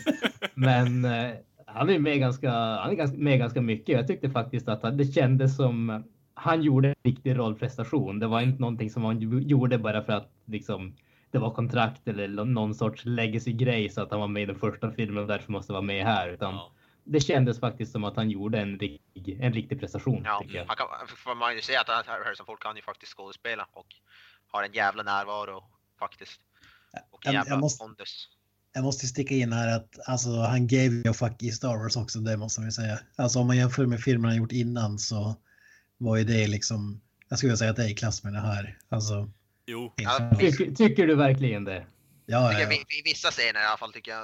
Alltså om du, om du kollar på filmer som Cowboys vs Aliens och så vidare som man har gjort i hyfsat uh, och så jämför du det med, med, med, Star Wars så, så ser du en uh, gripstor skillnad alltså. Å andra sidan så ska man prata om Cowboys vs Aliens så kommer jag säga att ingen vill vara med i den filmen. ja, men det är en annan sak. Ja, men vad tyckte du då Kent? Mm. Jag är väl någonstans där Granström är tror jag. Eh, jag tycker att den var alldeles för lång. Eh, ja, typ två timmar kanske. Ah, kanske inte riktigt. Den är 2.45 tror jag. Mm. Det var många gånger jag kände bara liksom, ja, vad är klockan? Hur mycket är det kvar? Alltså, alltså jag, jag gillar de här, det är mycket långsamma scener och de, de delarna gillar jag, men bara allt det här att den, är, den, den känns för lång helt enkelt. Sen skulle jag säga det ni pratar om visuella, den är, den är sjukt snygg där är ju. Det, men den är snyggare än, jag tycker att den är snyggare än originalet. Däremot är det någon annan, mer känsla eller vad man ska säga i, i originalet som gör den mer speciell tycker jag. Mm. I hur, hur, den ser ut och så där. Det är någonting som gör det lite häftigare. Den här är ju tveklöst snyggare så. Det, det, ja, det, det tycker jag. Den andra har lite mer skärm rent visuellt, tycker jag i alla fall. Och det är det som gör att jag tycker att originalet sticker ut hakan lite mer än det här. För det här är mer det är dataeffekter ganska alltså, genomgående mm. hela filmen. Så det är det som jag stör mig lite på. Men ja, jag tycker det är en snyggt gjord film för det är alltså i datan överlag bara. Men jag föredrar ju eh, originalet rent visuellt bara. Jag tycker att det var i början där var det någon scen med den här flygbilen som inte kändes top notch ja. alltså ja. i sin. Däremot när den här bilen är på på backen och så vidare fast det var det ju sjukt snygga. Framförallt jag tyckte öppningsscenen där var, var riktigt häftig faktiskt. Mm. Rent visuellt så att säga innan de klev in i, i huset där. Mm. Men vad tycker jag om filmen? Jag tycker att den, den vissa grejer som var svaga i den första Blade Runner tycker att man gjorde bättre här. Andra grejer så eh, sådär. Men eh, jag tycker att eh, det, det, är en riktigt bra film. Ja, men jag tycker den är ganska, eh, inte meningslös, men fyller som inget syfte liksom att göra den här filmen. Jag tycker inte man fick alla svar som man hade velat haft eh, från det Och jag tycker att man kan säga, jag spekulerar ju fritt när vi pratar om första Blade Runner, att det var lite soft reboot. Och det, det tycker jag ändå att man kan säga att det var egentligen inte, inte som liksom Star Wars, Force Awakens och som den typen av filmer, men det var li, lite, det var väldigt lite fanservice och det var ju positivt. Ja, det är det jag tyckte att de, att de faktiskt gjorde en egen story, att de inte gjorde en remake på, som, som Force Awakens är en remake på första Star Wars. Mm. Det kan man ju i princip säga, det tyckte jag var bra att de inte gjorde. De gjorde ju som en uppföljare och byggde vidare bara med nya karaktärer och sånt. Det tyckte jag var riktigt positivt. Det är den här filmen som att man berättar en ny historia, mer intressant historia i det här universumet. Mm, ja, än, än en uppföljare på den första filmen skulle jag vilja säga. Ja, exakt. Bara jag vet inte om ni håller med om. Det är lite ja, svårt att göra en uppföljare. Ja, precis. Det är lite svårt att göra en uppföljare på en historia som inte ens är existerande i, i filmen överlag överhuvudtaget. Så ja. Ja, ja. Man måste säga att Dennis Villeneuve också nu. Jag älskade i Sicario som han har gjort och mm. några andra filmer som jag tycker var riktigt bra. Jag tycker man borde alltså pull this shit off. Det, det gör att man har sjukt. Uh, han kan ju bli en sån där faktiskt som man ja, ser fram emot varje film han släpper liksom. Känns det klarar han av? Det finns. Jag tror det är inte många regissörer som hade klarat av att göra en. Ny Blade Runner. Mm. Nej, precis. Som däremot som till och med skulle vara kunna räknas som bra liksom. Eller jo, så här. men Kent, eh, nu, nu tar du upp med Dennis Villeneuve, eller vad fan han heter. Alltså, jag vet inte om du har hört det i pressen överlag bara, men folk har ju alltså tagit upp och gjort liknelser med honom och eh, Kubrick. Du och jag som är Kubrick-fans deluxe, eh, som jag känner till i alla mm. fall. Eh, vad, vad känner du kring det? Alltså på vilket sätt då undrar jag. vet inte. Alltså, mm, ja, det är lite det jag tänker han, också. Han, han, kanske, han kanske inte... Han har ju, det jag gillar med den här filmen är att man går inte så snabbt fram. Man kan ha, det, det kändes som en film som, som kanske gjorde, filmer som gjordes på 70-talet som den, den, tar sig tid, liksom behöver inte hända hundratusen grejer och snabba klipp och grejer mm. utan det får vara liksom ja, så, men, men i övrigt vet jag inte. Jag tycker Stanley Kubrick måste jag säga. Jag har aldrig tänkt på det. Stanley Kubrick är typ min favoritregissör tillsammans med John Carpenter. Mm. alltså frå frågan där kan man ju, när det här att simplifiera det ganska långt, men det känns som att Villeneuve vågar eller har möjlighet att göra filmer som inte är som man förväntar sig att uh, hans filmer ska vara. Hade vem som helst annan gjort en uppföljare till Blade Runner så hade det ju med största sannolikhet varit liksom en fullständig actionfilm som ja. det skulle ha sett ut som en Michael Bay-film ungefär. Ridley Scott himself. ja, precis. Ja, det, det, du, Istället... Ja. Du, du, säger det som jag hade försökt att få fram där som kanske inte gick fram, men det är exakt så jag, jag tänker också. Ja, ja men... Förvånansvärt så är det ju Sony som är inblandad i den här filmen och den här så pass bra, det måste man ju säga. Det känns ju inte som en sån här uh, Tinkered by the Studio-film. Nej, alls, faktiskt inte. Känns ju verkligen, kanske inte fria händer, men... Det, det, känns ju som att de har litat på att uh, han skulle, skulle kunna ro i hamn mm. hela projektet. Det gör det definitivt. Mm. Uh, men, men det, det jag skulle säga var väl kanske det, det som gör att liknelsen mellan Kubrick och Villeneuve haltar lite grann som sagt. Villeneuve gör filmer som kanske ingen annan riktigt gör eh, i dagens läge. Men mm. Kubrick gjorde väl filmer som ingen annan hade gjort tidigare. Nej, överhuvudtaget. Är det inte så? Ja. ja. precis. Och sen är det ett helt annat djup i Kubricks filmer än... Alltså jag älskar Sicario, men det är kanske inte den eh, bäst djupaste filmen man sett liksom. Alltså, Nej, alltså, det är inte The Shining direkt. Däremot kanske det är kvali kvalitetsmässigt, jag vet inte vad jämförelsen är egentligen när jag tänker efter, men när det är kvalitetsmässigt, för det kan ju inte vara tonen på filmer och sådär heller, men Nej. kanske som du säger Granström att man gör lite filmer som ingen annan vågar göra eller får göra eller vad man ska säga. Ja. Det är det jag tänkte med den här typ Arrival, även om man nu kan prata om alltså, vad man tycker om den. Det är ju inte en typisk sci-fi film kan, man ju, kan väl ingen påstå heller. Nej, det är sant. Och det är det är är, oavsett om man tycker den är bra eller dålig så är den ju verkligen originell i alla fall. Ja, absolut. absolut. Så det är väl lite på det sättet. Ja, i övrigt vet jag inte om det finns så mycket likheter faktiskt. Nej. Men, eh, på, på Men tal... tillbaks till den här filmen. Ja, på tal lite om Sony där, att eh, det är lite så här deras, en bra film från deras sida för en gångs skull. Vi har ju pissat jävligt mycket på dem egentligen, men alltså det, är det nu det skiftar tror ni eller? För de har ju lagt ner jävligt mycket tid och pengar på det här egentligen. Alltså, deras kortfilmerna som ledde Alltså, upp till den här också. Alltså, så jag ska kanske klargöra att det är ju inte Sony Pictures utan det är ju Columbia vad Ja. heter det, Pictures som Jo, jo. ägs av Sony. Ja, ja. Det är ju liksom inte samma som gjort Pixels. Som Nej, nej, nej, okej. här, liksom. Adam om- om man Adam ska- Sandler var ju inblandad i den här filmen. Visste du, visste du inte det? Ja, ja, precis. Även Sandler var liksom en av replikanterna i, i Ja, han, har produ- han, har, har glaskupan. producerat den. Fy fan.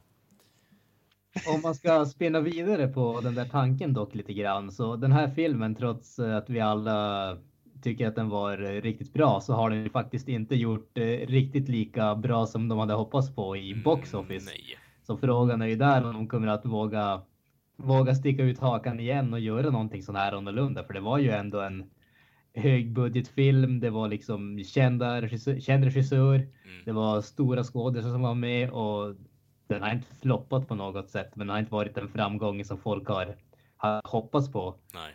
Så vad tror ni att det beror på? Är det att folk inte är intresserade av den här filmen eller är det helt enkelt på att den uppfyller det som ingen hade frågat efter? Eller vad, vad tror ni? Vad spekulerar ni där? Främst tror jag att det är, det är ingen liksom household name. Alltså visst filmnördar och folk som gillar science fiction men det känns inte särskilt mainstream Blade Runner ändå. Och Nej. originalfilmen var ju också en flopp på bio när den kom och blev ju som en kultfilm senare. Mm. Eh, Så, och jag vet inte, att göra sådana här filmer som går så långt, när, vad sa vi, var det 30 år eller var det mer? 30 år ungefär. Ja, 30 år ja. Ja, precis. Sen är det liksom vem... Det är liksom ingen så här... äh, som du säger att folk kanske inte har liksom suttit och väntat på Blade Runner 2 utan Mm. jag tycker det känns som att Blade Runner, det räcker med den. Alltså den är... Den är sin egen... Det kan man ju säga om den här filmen också. Det känns som att det var sin egen film. Mm. Alltså, det var också positivt. Det var inte så här ett franchise Nej. stukaktigt. Men jag tror också längden tror jag skrämmer bort folk också. Två timmar 43 minuter. Science fiction, handlingen. Handlingen är ju egentligen enkel men den handlar om rep replicants och vem vet vad replicants är om du inte har sett Blade Runner eller Van Damme-rullen Replicant. Ja, det är sant. Det är sant. Van Damme. Nej, var men det- det, det var jag, det var jag tror. Det var det enda den här filmen saknade var lite Van Damme. Hade Mike, varit- Michael Rooker och Van Damme, det är magiskt. Ska vi kanske ta och ge lite betyg på den här saken? Så hoppar vi in till spoiler-territorium sen. Mm. Yes. Ken, Som- du kan få börja. Ja, okej. Ja, jag kan bara nämna, ni pratar om skådespelaraktigt och så. Jag, jag tyckte att Jared Leto var fruktansvärd. Jag tycker inte att han gick hem för mig faktiskt. det känns som att så, han, han försöker för mycket i vissa filmer och då blir det liksom eh, backlash. Jag tyckte, däremot tyckte jag, som du sa, Ryan Gosling var riktigt bra. Harrison Ford var väl helt okej. Alltså, visst, han bryr sig, men det var ju knappast så att han liksom var filmens behållning så att säga, utan jag tyckte att Ry- Ryan Gosling var riktigt bra och jag tycker att antagonisten, den här, äh, jag kommer inte ihåg vad hon heter, karate-replikanten. LUV, Love. Ja. Ja, precis. Hon var riktigt bra tycker jag också. Ja, faktiskt. Då, då. Men Jared Leto vet jag inte. Sen tyckte jag det var jäkligt coolt att äh, Gaff var med från Ja, första filmen. Ja, det var synd att Ja. han inte var med mer. jag, Men. Det var det som stack ut skådespelarmässigt. Men betyg då? Jag kommer inte ihåg vad satte jag på första Blade Runner. Jag tror jag satte 7,2, 7,3. Eh, Jag kanske ger den här 7,5, 6. Någonstans där på IMDB-skalan. Inte, inte det mästerverk enligt mig, men riktigt, riktigt bra film. Lite för lång och Mm. märklig pacing emellanåt och ja, vi, vi kan gå in mer på vad, vad jag tycker om saker och ting i spoilers kanske. Men vad, vad säger du Granström, alltså, vad skulle du sätta för betyg? Jag i stort så håller jag med dig, bortsett från eh, Jared Leto där. Jag tycker att i stort sett den största saken som filmen har emot sig det är just uh, längden. Men jag tycker allting annat håller en väldigt, väldigt bra, bra klass jag tycker inte riktigt att den når upp till samma nivå som den första filmen, men den ligger väldigt nära. Jag tror, jag kommer inte ihåg, men jag tror att jag gav den första filmen en stark åtta och jag skulle väl säga att jag, jag skulle sätta den här just under. Så om vi säger en, en svagare åtta. 7,5. Nej, en svagare åtta. Så den första är en 8,5 och den här är 8,2. Ja, typ. Nej, jag skulle säga om vi säger att den första är 8,5 så skulle jag säga den här på en platt 8. Kalle? Eh, ja, alltså som jag säger, alltså det här filmen har ju enligt mig en helt underbar ark med tanke på att, ja, vi kommer in på det senare. Men jag tycker Ryan Gosling gör ett underbart jobb som eh, Kay. Eh, han har ju även, eh, alltså, man får ju en inblick i hur Kays liv ser ut med tanke på att han jobbar som Blade Runner och så vidare och så är det lite kring det också som vi kommer in på sen. Men jag tycker att de bygger upp honom och hans liv rätt intressant också. Eh, och eh, de gör en väldigt fin grej med, eh, med, världsbyggandet genom att han har ju en en, ett hologram som han är väldigt fond of, alltså genom hela filmen. Och han lägger ner tid och pengar på henne och alltså har ändå någon form av känsla kring henne överhuvudtaget. Jag tycker det var lite, det var bra gjort var det faktiskt. Så det, jag skulle nog säga att den här filmen jag ska, jag ska inte säga att den är bättre egentligen, men den gör en sak som är, alltså, behövdes så fruktansvärt mycket istället på originalet, och det är fan storyn alltså. Man behövde jobba så jävla mycket mer på storyn eh, i originalet. Hade de gjort det och gjort det ungefär i den här takten, eller i den här, eh, på det här sättet som de gjorde i nya filmen nu, så hade det varit en perfekt sci-fi film för mig. Men tyvärr så blir jag lite störd där mer med alla Hans Zimmer dönan, drönande ljud liksom när han går inom öknen och så vidare. Jag, jag stör mig på det med tanke på att det ska vara tyst, det ska vara ödelagt. Då vill man gärna ha någon form av återkoppling med ljud, det, alltså det audiella delen av filmen. Att det ska vara tyst och man behöver inte ha någon sån här drönande eller jävla lost-ljud i bakgrunden och det förstör för min del. ja, det kan man säga om Villeneuves filmer. Han gillar att vrida upp ljudet till max vissa, ja. Alltså riktigt så bara dånande. Mm. Det, det, det är lite det är alltså, liksom... i, I stan kan jag köpa det och när han sitter i den där jävla flygbilen, men när han går omkring i en öken, alltså dra ner på det då. Det, det kommer liksom tjäna filmen bättre i slutändan. Det, det, jag rullar ögonen på sånt där skit egentligen. Det, jag störde, störde mig som fan på det, men alltså det... Det här är rent tekniskt sett den Blade Runner-filmen jag ville ha från början. Minus det visuella och skärmen därifrån och eh, alltså soundtracket från originalet som jag tycker är helt jävla underbart.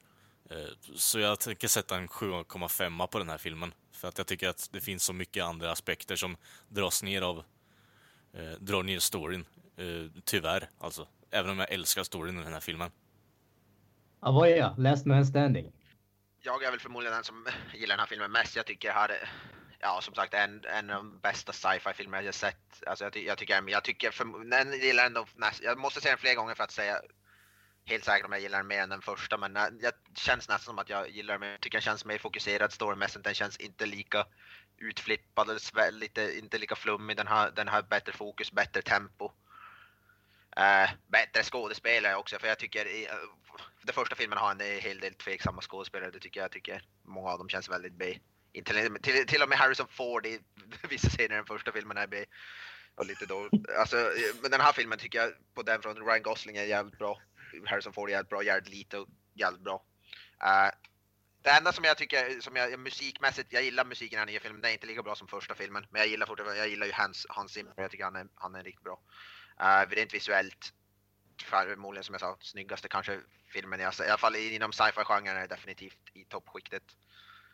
Uh, fotot, Roger Deans heter ju, uh, cin, uh, cinematographer. Han är, uh, det är ju en klassisk, han är ju en, han är ju kung, han har gjort mycket uh, bra. Uh, jag skulle sätta en, ja, någonstans där med en 9, 9,5 och 10. Jävlar! Jesus. Är det högsta betyget vi har satt hittills? Ja, det är det fan. 9, 9, 9 i alla fall. Ja, det är högsta betyget faktiskt. Fy fan. Alltså det kan komma en film som är så ny som man tycker är så bra och det är ju rätt häftigt. Det är jo, ju faktiskt. Sällan. Frågan är ju och det här är väl någonting som vi alla kommer att uh, få tas med. Det är ju när den här filmen släpps på hemformat, Blu-ray, whatever som gäller då. Mm. Kommer vi att tycka att den är lika bra eller är det liksom för att vi är så uppspelt över att ha sett den första filmen och tyckt att den har varit bra och så nu fått en uppföljare som är sprillans ny direkt efter? Är det liksom Mm. Rider vi på den höga vågen eller är det, liksom, är det verkligen så bra som vi tror att det är just nu? Ja, vi får ge sex Alltså det, det kan man ju säga när vi går in i spoilers och det här att bara lägga till att har du, du, du kan inte se den här utan att se första filmen tycker jag. Alltså, du måste se Ja, det tycker jag ändå. Blade Runner för att se. Ah, Nej. alltså nej. Jag tror att den går att se men jag tror inte du får ut lika mycket av att se, jag se tror bara den här liksom. Vi, jag nämnde det lite innan, eller under den här diskussionen nu, men alltså de kortfilmerna som Villeneuve har eh, alltså, producerat med andra content creators överlag bara, de tycker jag man borde se faktiskt. Alltså, de bygger upp historien. Jag har faktiskt inte sett dem. Jag rekommenderar att se dem i efterhand, för det blir lite, du får mer förklaring på vad det är som hänt och vad de pratar om i filmen. Det är faktiskt ett mer, tycker jag, ett bättre, mer intressant sätt att bygga upp hype, hy, hype inför film att just släppa sådana Ja. kortfilmer än att visa trailer. Det Men- kände, alltså släpp, släpp några små kortfilmer som inte har någonting med huvudfilmen, alltså som inte visar någonting med huvudfilmen men som har med den att Mm. göra. Det, det tycker jag är väldigt, var väldigt bra marknadsföring De filmen. kortfilmerna... När du säger Ja. trailer också, när du säger trailer också måste man ju säga att fan, fan vad bra- bra jag kände det att man hade sett trailern. Det, trailern har, berättar inte hur filmen ser ut. Nej. Alltså, Nej, den är helt uh, annorlunda. Den spoilar i princip ingenting. Nej, egentligen. Nej, det är så det ska Det, vara. det var riktigt, riktigt, riktigt bra. ja. Den här med han, hur handlingen var i filmen var inte alltid, vi, alltså, inte ens om man läser synopsisen över filmen någonstans, så, alltså som säger ju riktigt vad det handlar om. Mm. Så det är ju faktiskt bra. Det, det är en film gjord för filmälskare kan man säga. Ja. Det det. Take, take notes, Men det här Hollywood. med, Ska vi gå vidare till spoilers? Ja. det gör vi. yes. Spoiler alert! Spoiler alert! Spoiler alert! Från och med nu så kommer vi att diskutera spoilers för Blade Runner 2049. Det är ingenting annat som kommer efter det här, så har ni inte sett filmen så kan vi varmt rekommendera er att göra det och återkomma till den här biten efter ni har gjort det. Så som sagt, från och med nu fullständiga spoilers för Blade Runner 2049. Kör igång killar. What do you want? I want to ask you some questions. Jag tänker börja med den här. Vi har ju än en gång sett en film där man har snott slash inspirerats av Paul W.S. Anderson. Okej. Men fan, fan, när ska de sluta härma han alltså? Det är ju för Mortal Kombat, när de kliver in i templet, spelas ju den här trudelutten och den spelas även av Jared Leto i andra delen av filmen. Mhm.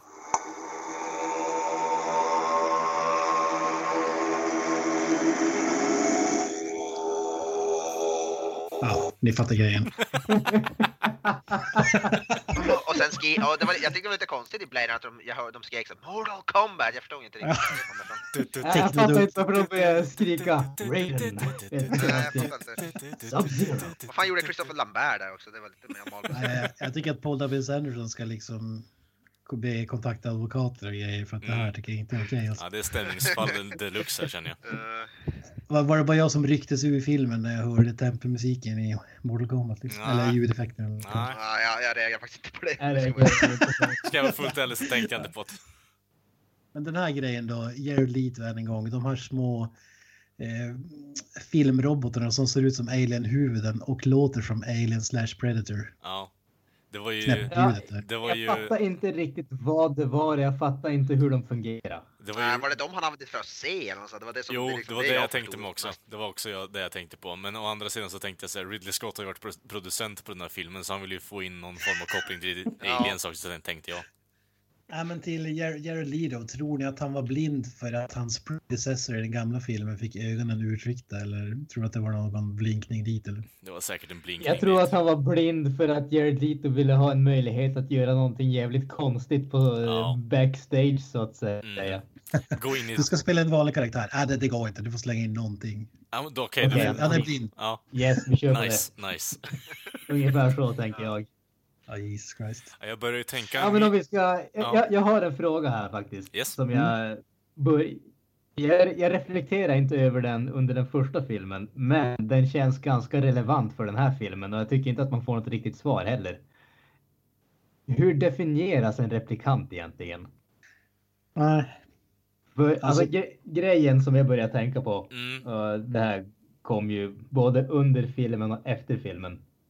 Det är just det här att pratar ju väldigt mycket om att replikanterna är konstgjorda, men de är ändå organiska och biologiska liksom eh, skapelser. Det är inte så att du, om du skär upp en så är det maskineri, utan det är ändå en, en, en biologisk varelse. Mm. Och sen kan man ju diskutera liksom, ja, men om en replikant kan bli gravid och de, de gör ju det faktiskt på ett ganska snyggt sätt därför att även i den här filmen säger de inte rakt ut om Deckard är replikant eller inte. Nej. Men Ja. Rachel är ju som vi vet replikant och det är det som Ja. de spelar på. Men om en replikant kan bli gravid med en människa, är det inte en människa då per definition? Jo. Däggdjur. Men det är väl det här att de har ju producerats av något företag i någon, någon, någon, någon fabrik någonstans. Så det är väl där Mm. den där... Fast eh, det är lite... Ja, men, ja, men ändå, det, det är ju alltså. Är är det relevant för om det är en människa eller en inte? Är liksom. Det, det, det är ju samma. Nej, vad var det som saknas då liksom? Alltså, Nej, precis. Och de, de håller ju på och pratar om själen där. Att liksom, jaha, Mm. men det känns ju inte heller riktigt logiskt. Är liksom, får du din själ för att din morsa har klämt ut den mellan hennes ben? Vad händer om hon hade ett kejsarsnitt då? Har du Jo, en själ exakt. då, eller va? Mm. Mm. Ja men det där, där är ju, kan vi ju, det är fan ett helt avsnitt i sig att diskutera det här. Liksom, det är ju, Ja, men det är, inte, är det inte de här grejerna som är de, de intressanta diskussionerna när det kommer till en sån här film egentligen? Jo, alltså det där är ju, det, det ligger ju lite i luften. Man får ju ta det där, eh, alltså jag ska inte säga att man ska ta med en nypa salt, men det man ska göra här egentligen, man får ju ta en rejäl skopa och bara typ svälja den i stort sett för att det ska funka.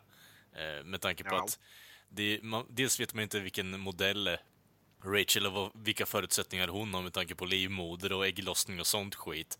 Men alltså det, Rachel är ju en Nexus 6. Ja, Ja. Och, och då är det ju en äldre modell i så fall och då är det ju, ja, då har man ju dels inte samma livsspann som en Nexus 8 som för det här tillfället som de har förklarat nu i dels eh, short storiesen eh, som de släppte och eh, i filmen i sig så har de ju en, alltså en normal livsspann har de ju. Eh, men eh, gällande organ och sånt så vet vi ingenting direkt. Jag, vad heter han, Ryan Gosling, vad var det sagt att han var? En rep 8? Var det det? Ja, en åtta är han. Ja. Men det, det här är ju som liksom när, man, när det är film om eh, artificial intelligence och så vidare och de får eget, kan tänka självständigt och så vidare. Det är som samma. Så, Det, det är ju tankar tycker- som inte går att komma ifrån, så är det ju. Mhm. ja, precis. Alltså, Det var ju som Granström sa om i det andra, det är väl i princip grunden för alla sci-fi filmer som någonsin har gjort i princip. Jo. Ja. Vad gör oss till människor?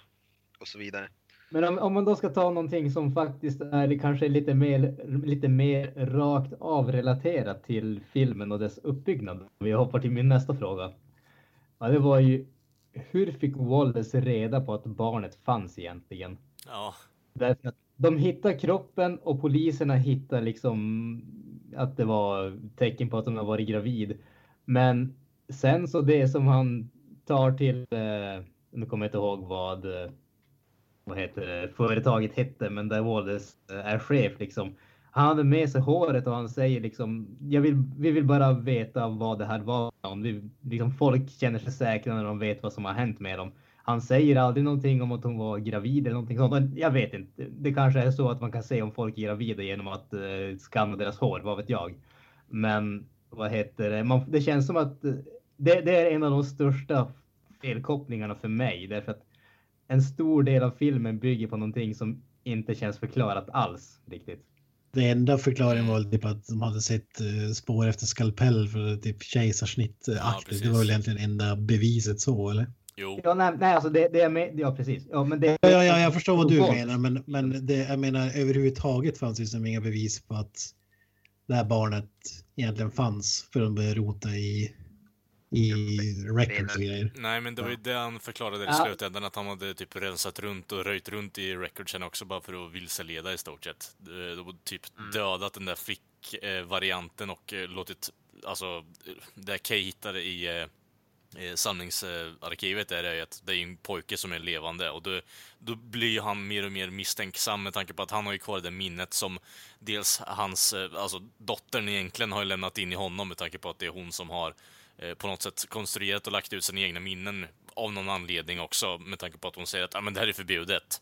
Så Ja, men så, som, som jag såg filmen och tolkade så är den här karaktären, han, Ryan Gosling-karaktären vill ju så gärna vara speciell. Han vill inte Ja. bara vara, han får ju skit i filmen att han är en skinner och vad de kallar Ja. det. Alltså skin jab. Alltså han, han vill ju så väldigt gärna vara någonting speciellt och Mm. eh, han, när han då finns, eh, finns hopp om att han kanske, han kanske är något annat än bara en replikant. mm, Ja.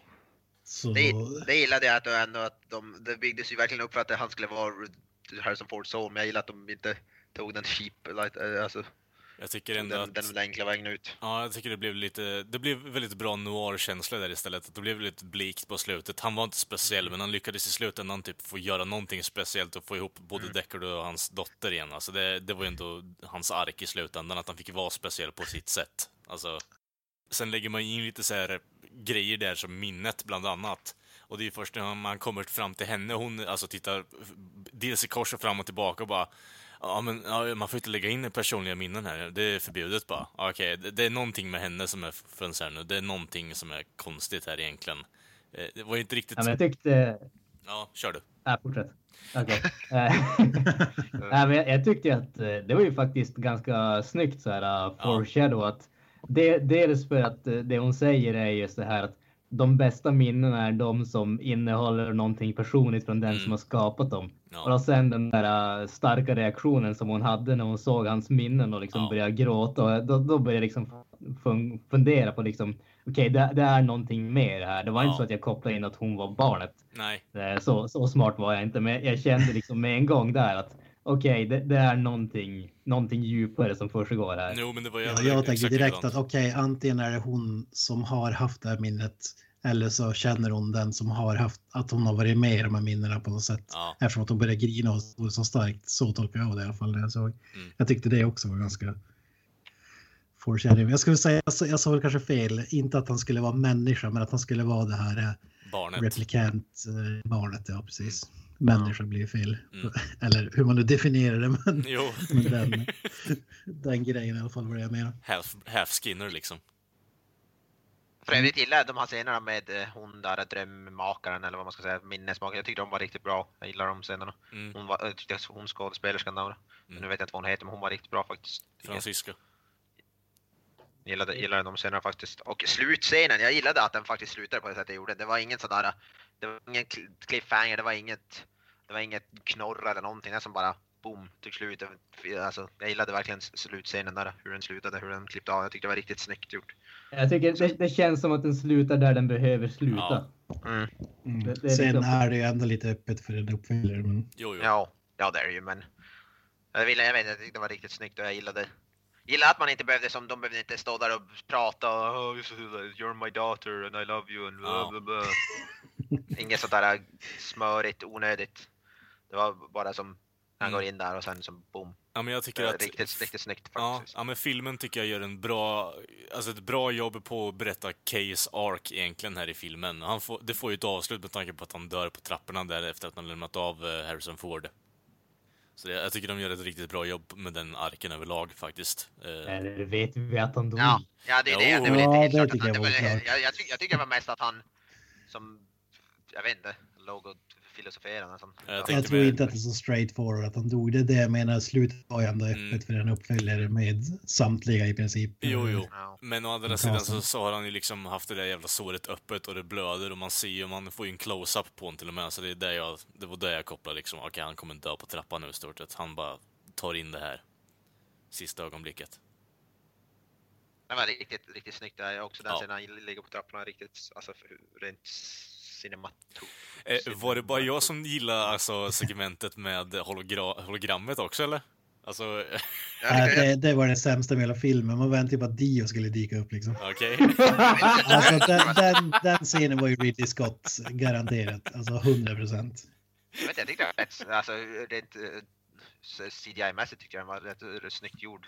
Ja, men vad var det för scen? Vad i hela helvete? Alltså typ, vad var det? Elton John dök upp. Alltså, Ja, det var inte det jag tänkte på Ah. Kent, utan det jag tänkte Nej, jag på var hans flickvän. när hon är tjejen där, Ja. hon var na naken och så stod det... jaha, Ja. jag trodde du menade där Nej, nej, nej. Harrison Ford. Nej, alltså eh, det, det, de fick ju... började spela musik. Nej, nej, så inte, nej, nej, nej, inte där, inte där. Jag, jag tänker på, mer på hans... Eh, Ja, det var det jag tänkte. Okej, nej, nej, jag tänker på hans household flickvän liksom, som han har i, i fickan med. Så jag tyckte det, de segmenten var jävligt bra. Eh, sen så får man ju en sån här riktig noir-känsla i slutet efter att hon, uh, jävla karatekärringen som ser ut som Rachel i gamla filmen, eh, bara trampar sönder henne.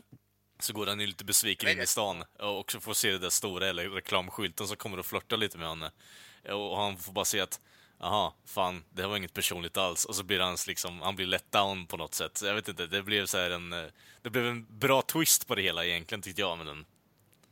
Alltså, Ja, jag det, det. det tror jag inte att han tänkte. Alltså, det var ju som en produkt och den här produkten skulle göra allt som ägaren ville liksom. Och han ville som sagt Mm. var, så gärna vara speciell och det snappade hon upp. Och Jo. allt hon säger och gör är för att liksom fida hans, Ja.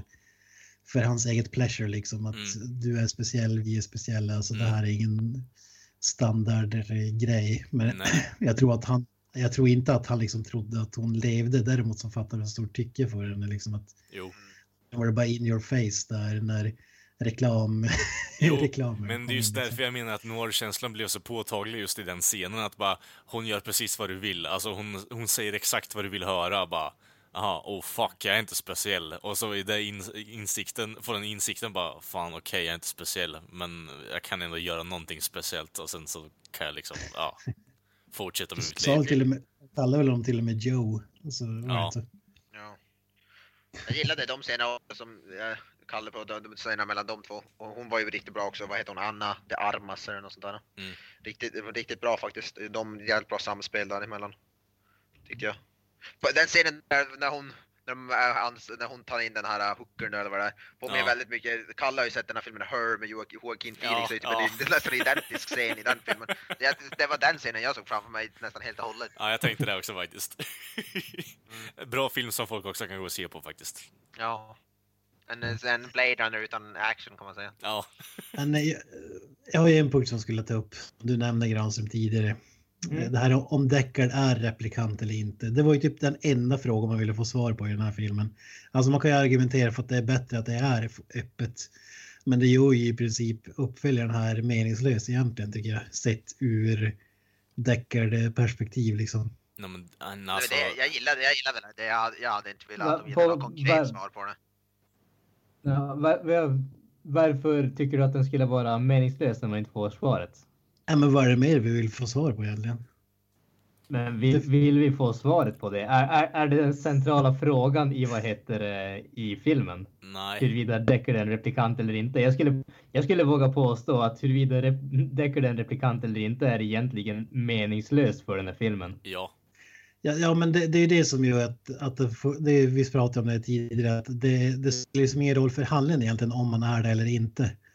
Men att Harrison Ford är med i den här filmen, då hade man lika gärna kunnat skippa honom tycker jag. Alltså, varför inte bara besvara den frågan? No, men, Nu var det som öpp, öppet igen, liksom. han kan vara människa, han kan vara replikant. Liksom. Alltså, alltså, nah. Ja, jag jag, jag, jag, har, jag har inget problem med ambiguiteten i det. Det, det, liksom, det stör mig inte för fem öre på något som helst sätt. Det, det, känns, inte, det känns inte som att det var en eh, speciellt tryckande fråga egentligen från förra filmen heller, huruvida han var en eller inte. Och det känns inte som att de gör en stor grej av det här.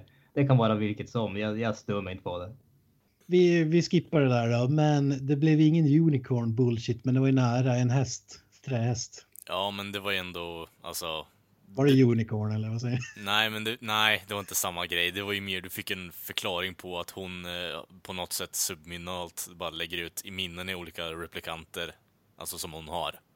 Och han har ju på Ja, ja, sätt... ja, men alltså att det är en häst ut, det saknar bara hornet liksom. Alltså var det en blinkning till unicorn-tjafset tror jag. Alltså, Så jag tänkte. jag tror inte det. Alltså, det där känns som att man gräver in sig alldeles för mycket i detaljer. Alltså, jag tror bara en tillfällighet. Häst, bara lekobjekt för små flickor när man är mindre. Alltså, jag tror inte det är större än så.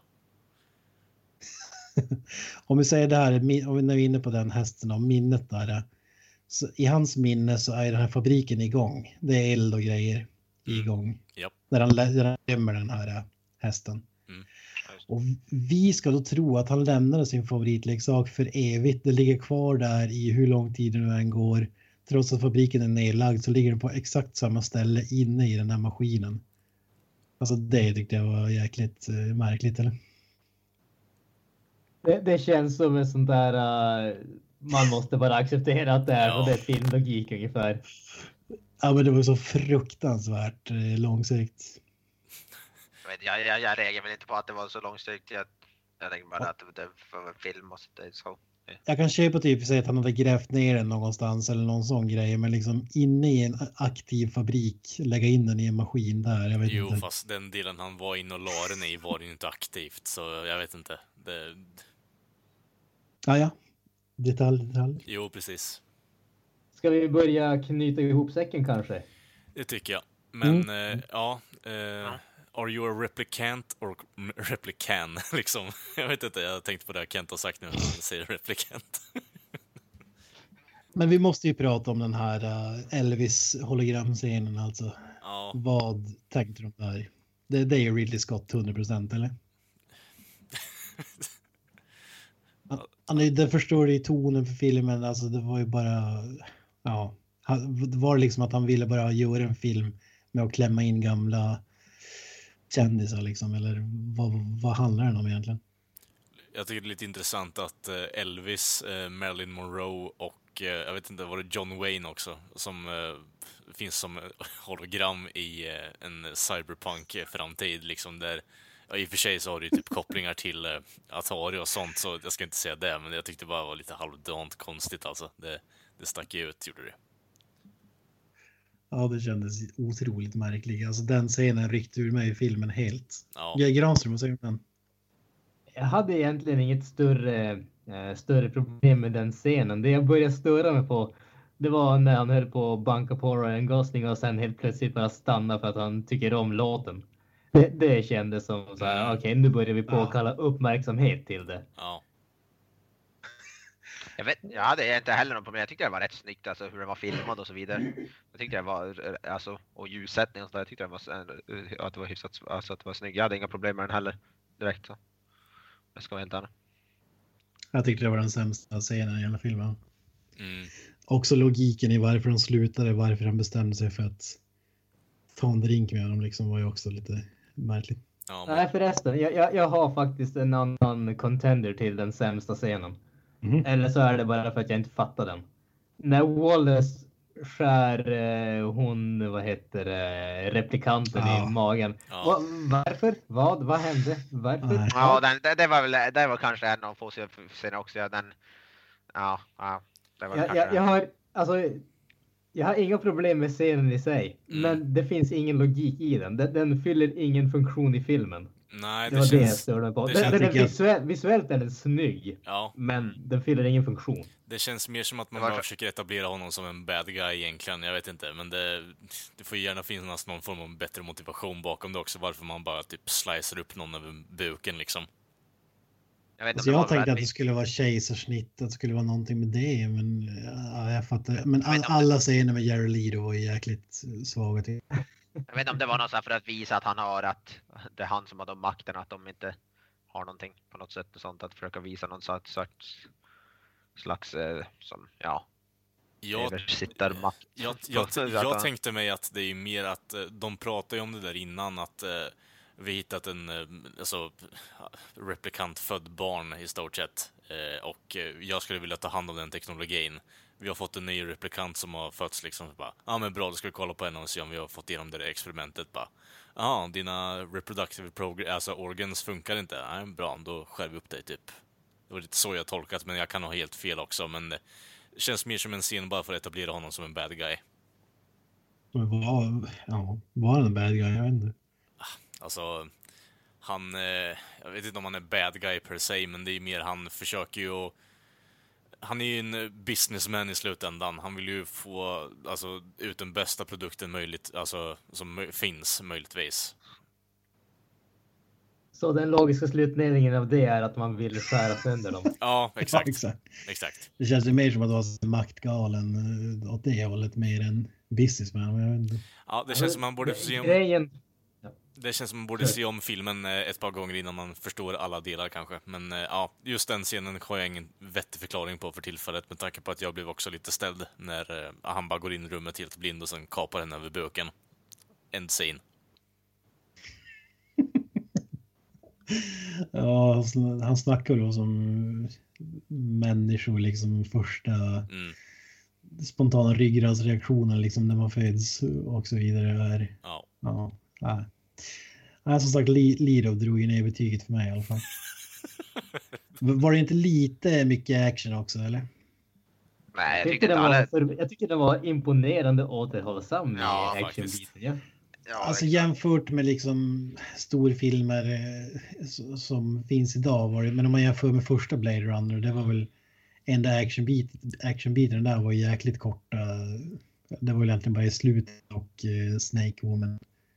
Mm. Men Jag tyckte, jag tyckte de actionscener som fanns där var också snygga och det var, det var snyggt koreograferade och visuellt och, allt det där. Så jag, ja, jag, tyckte, jag tyckte inte alls det var så, så mycket action. Faktiskt. Att han valde att rädda Harrison Ford tolkar det som jag att det skulle vara som Rutger Hauer av samma anledning som han Mm. eh, räddade livet på honom i första filmen. Eller? Ja, jag, jag tänkte mer, mer med tanke på det där temat med att vara speciell. Alltså, han försökte ändå göra någonting gott i slutändan och vara speciell på sitt sätt, alltså, om du förstår vad jag menar. Alltså, han försökte ändå få två... Han, han vill göra ett sista intryck som folk kommer ihåg honom typ Ja, precis. innan han dör. ungefär. Precis. Det var väl korta förklaringen. Ja, Om jag minns rätt. yes. Det var så jag tolkade det. Ja, fan, det, det, det, det känns som en film. Det finns, så, finns sjukt mycket att prata om. Nu ska, nu ska vi knyta ihop säcken här strax, men det, det är ändå ett bra betyg på, Ja, en- på en film. Liksom, att, Absolut. att det finns så mycket som man, som man undrar över och eh, Mm. kan om. Liksom. Mm. Definitivt. Okej, Kalle, knyt fort. Fy fan. Ja, ni gott folk, då har ni fått lyssna på ja, nästan tre timmar mycket här nu. Vi ska redigera ner det också, men som sagt. Återigen, det fina, 45 minuter. fina ordet, fina ordet. Då kör vi så här. eh, jajamensan, då har ni lyssnat på avsnitt nummer 47. Då pratar jag jävligt mycket Blade Runner, jävligt mycket andra filmer som hänt i veckan också. Men, ni hittar ju oss som sagt på Facebook, Twitter och Instagram under podd Createmelt podd heter vi då. Eh, ja, och där kan ni se oss lägga upp lite käcka bilder, dumma kommentarer eller när vi sitter ensamma på bio i eh, biografer och bara gråter för oss själva. Men bortsett från det så hör ni och syns oss nästa vecka i avsnitt nummer 48. Ja, får det bra grabbar. Ha det bra. Hej! That's it, man. Game over, man. It's game over.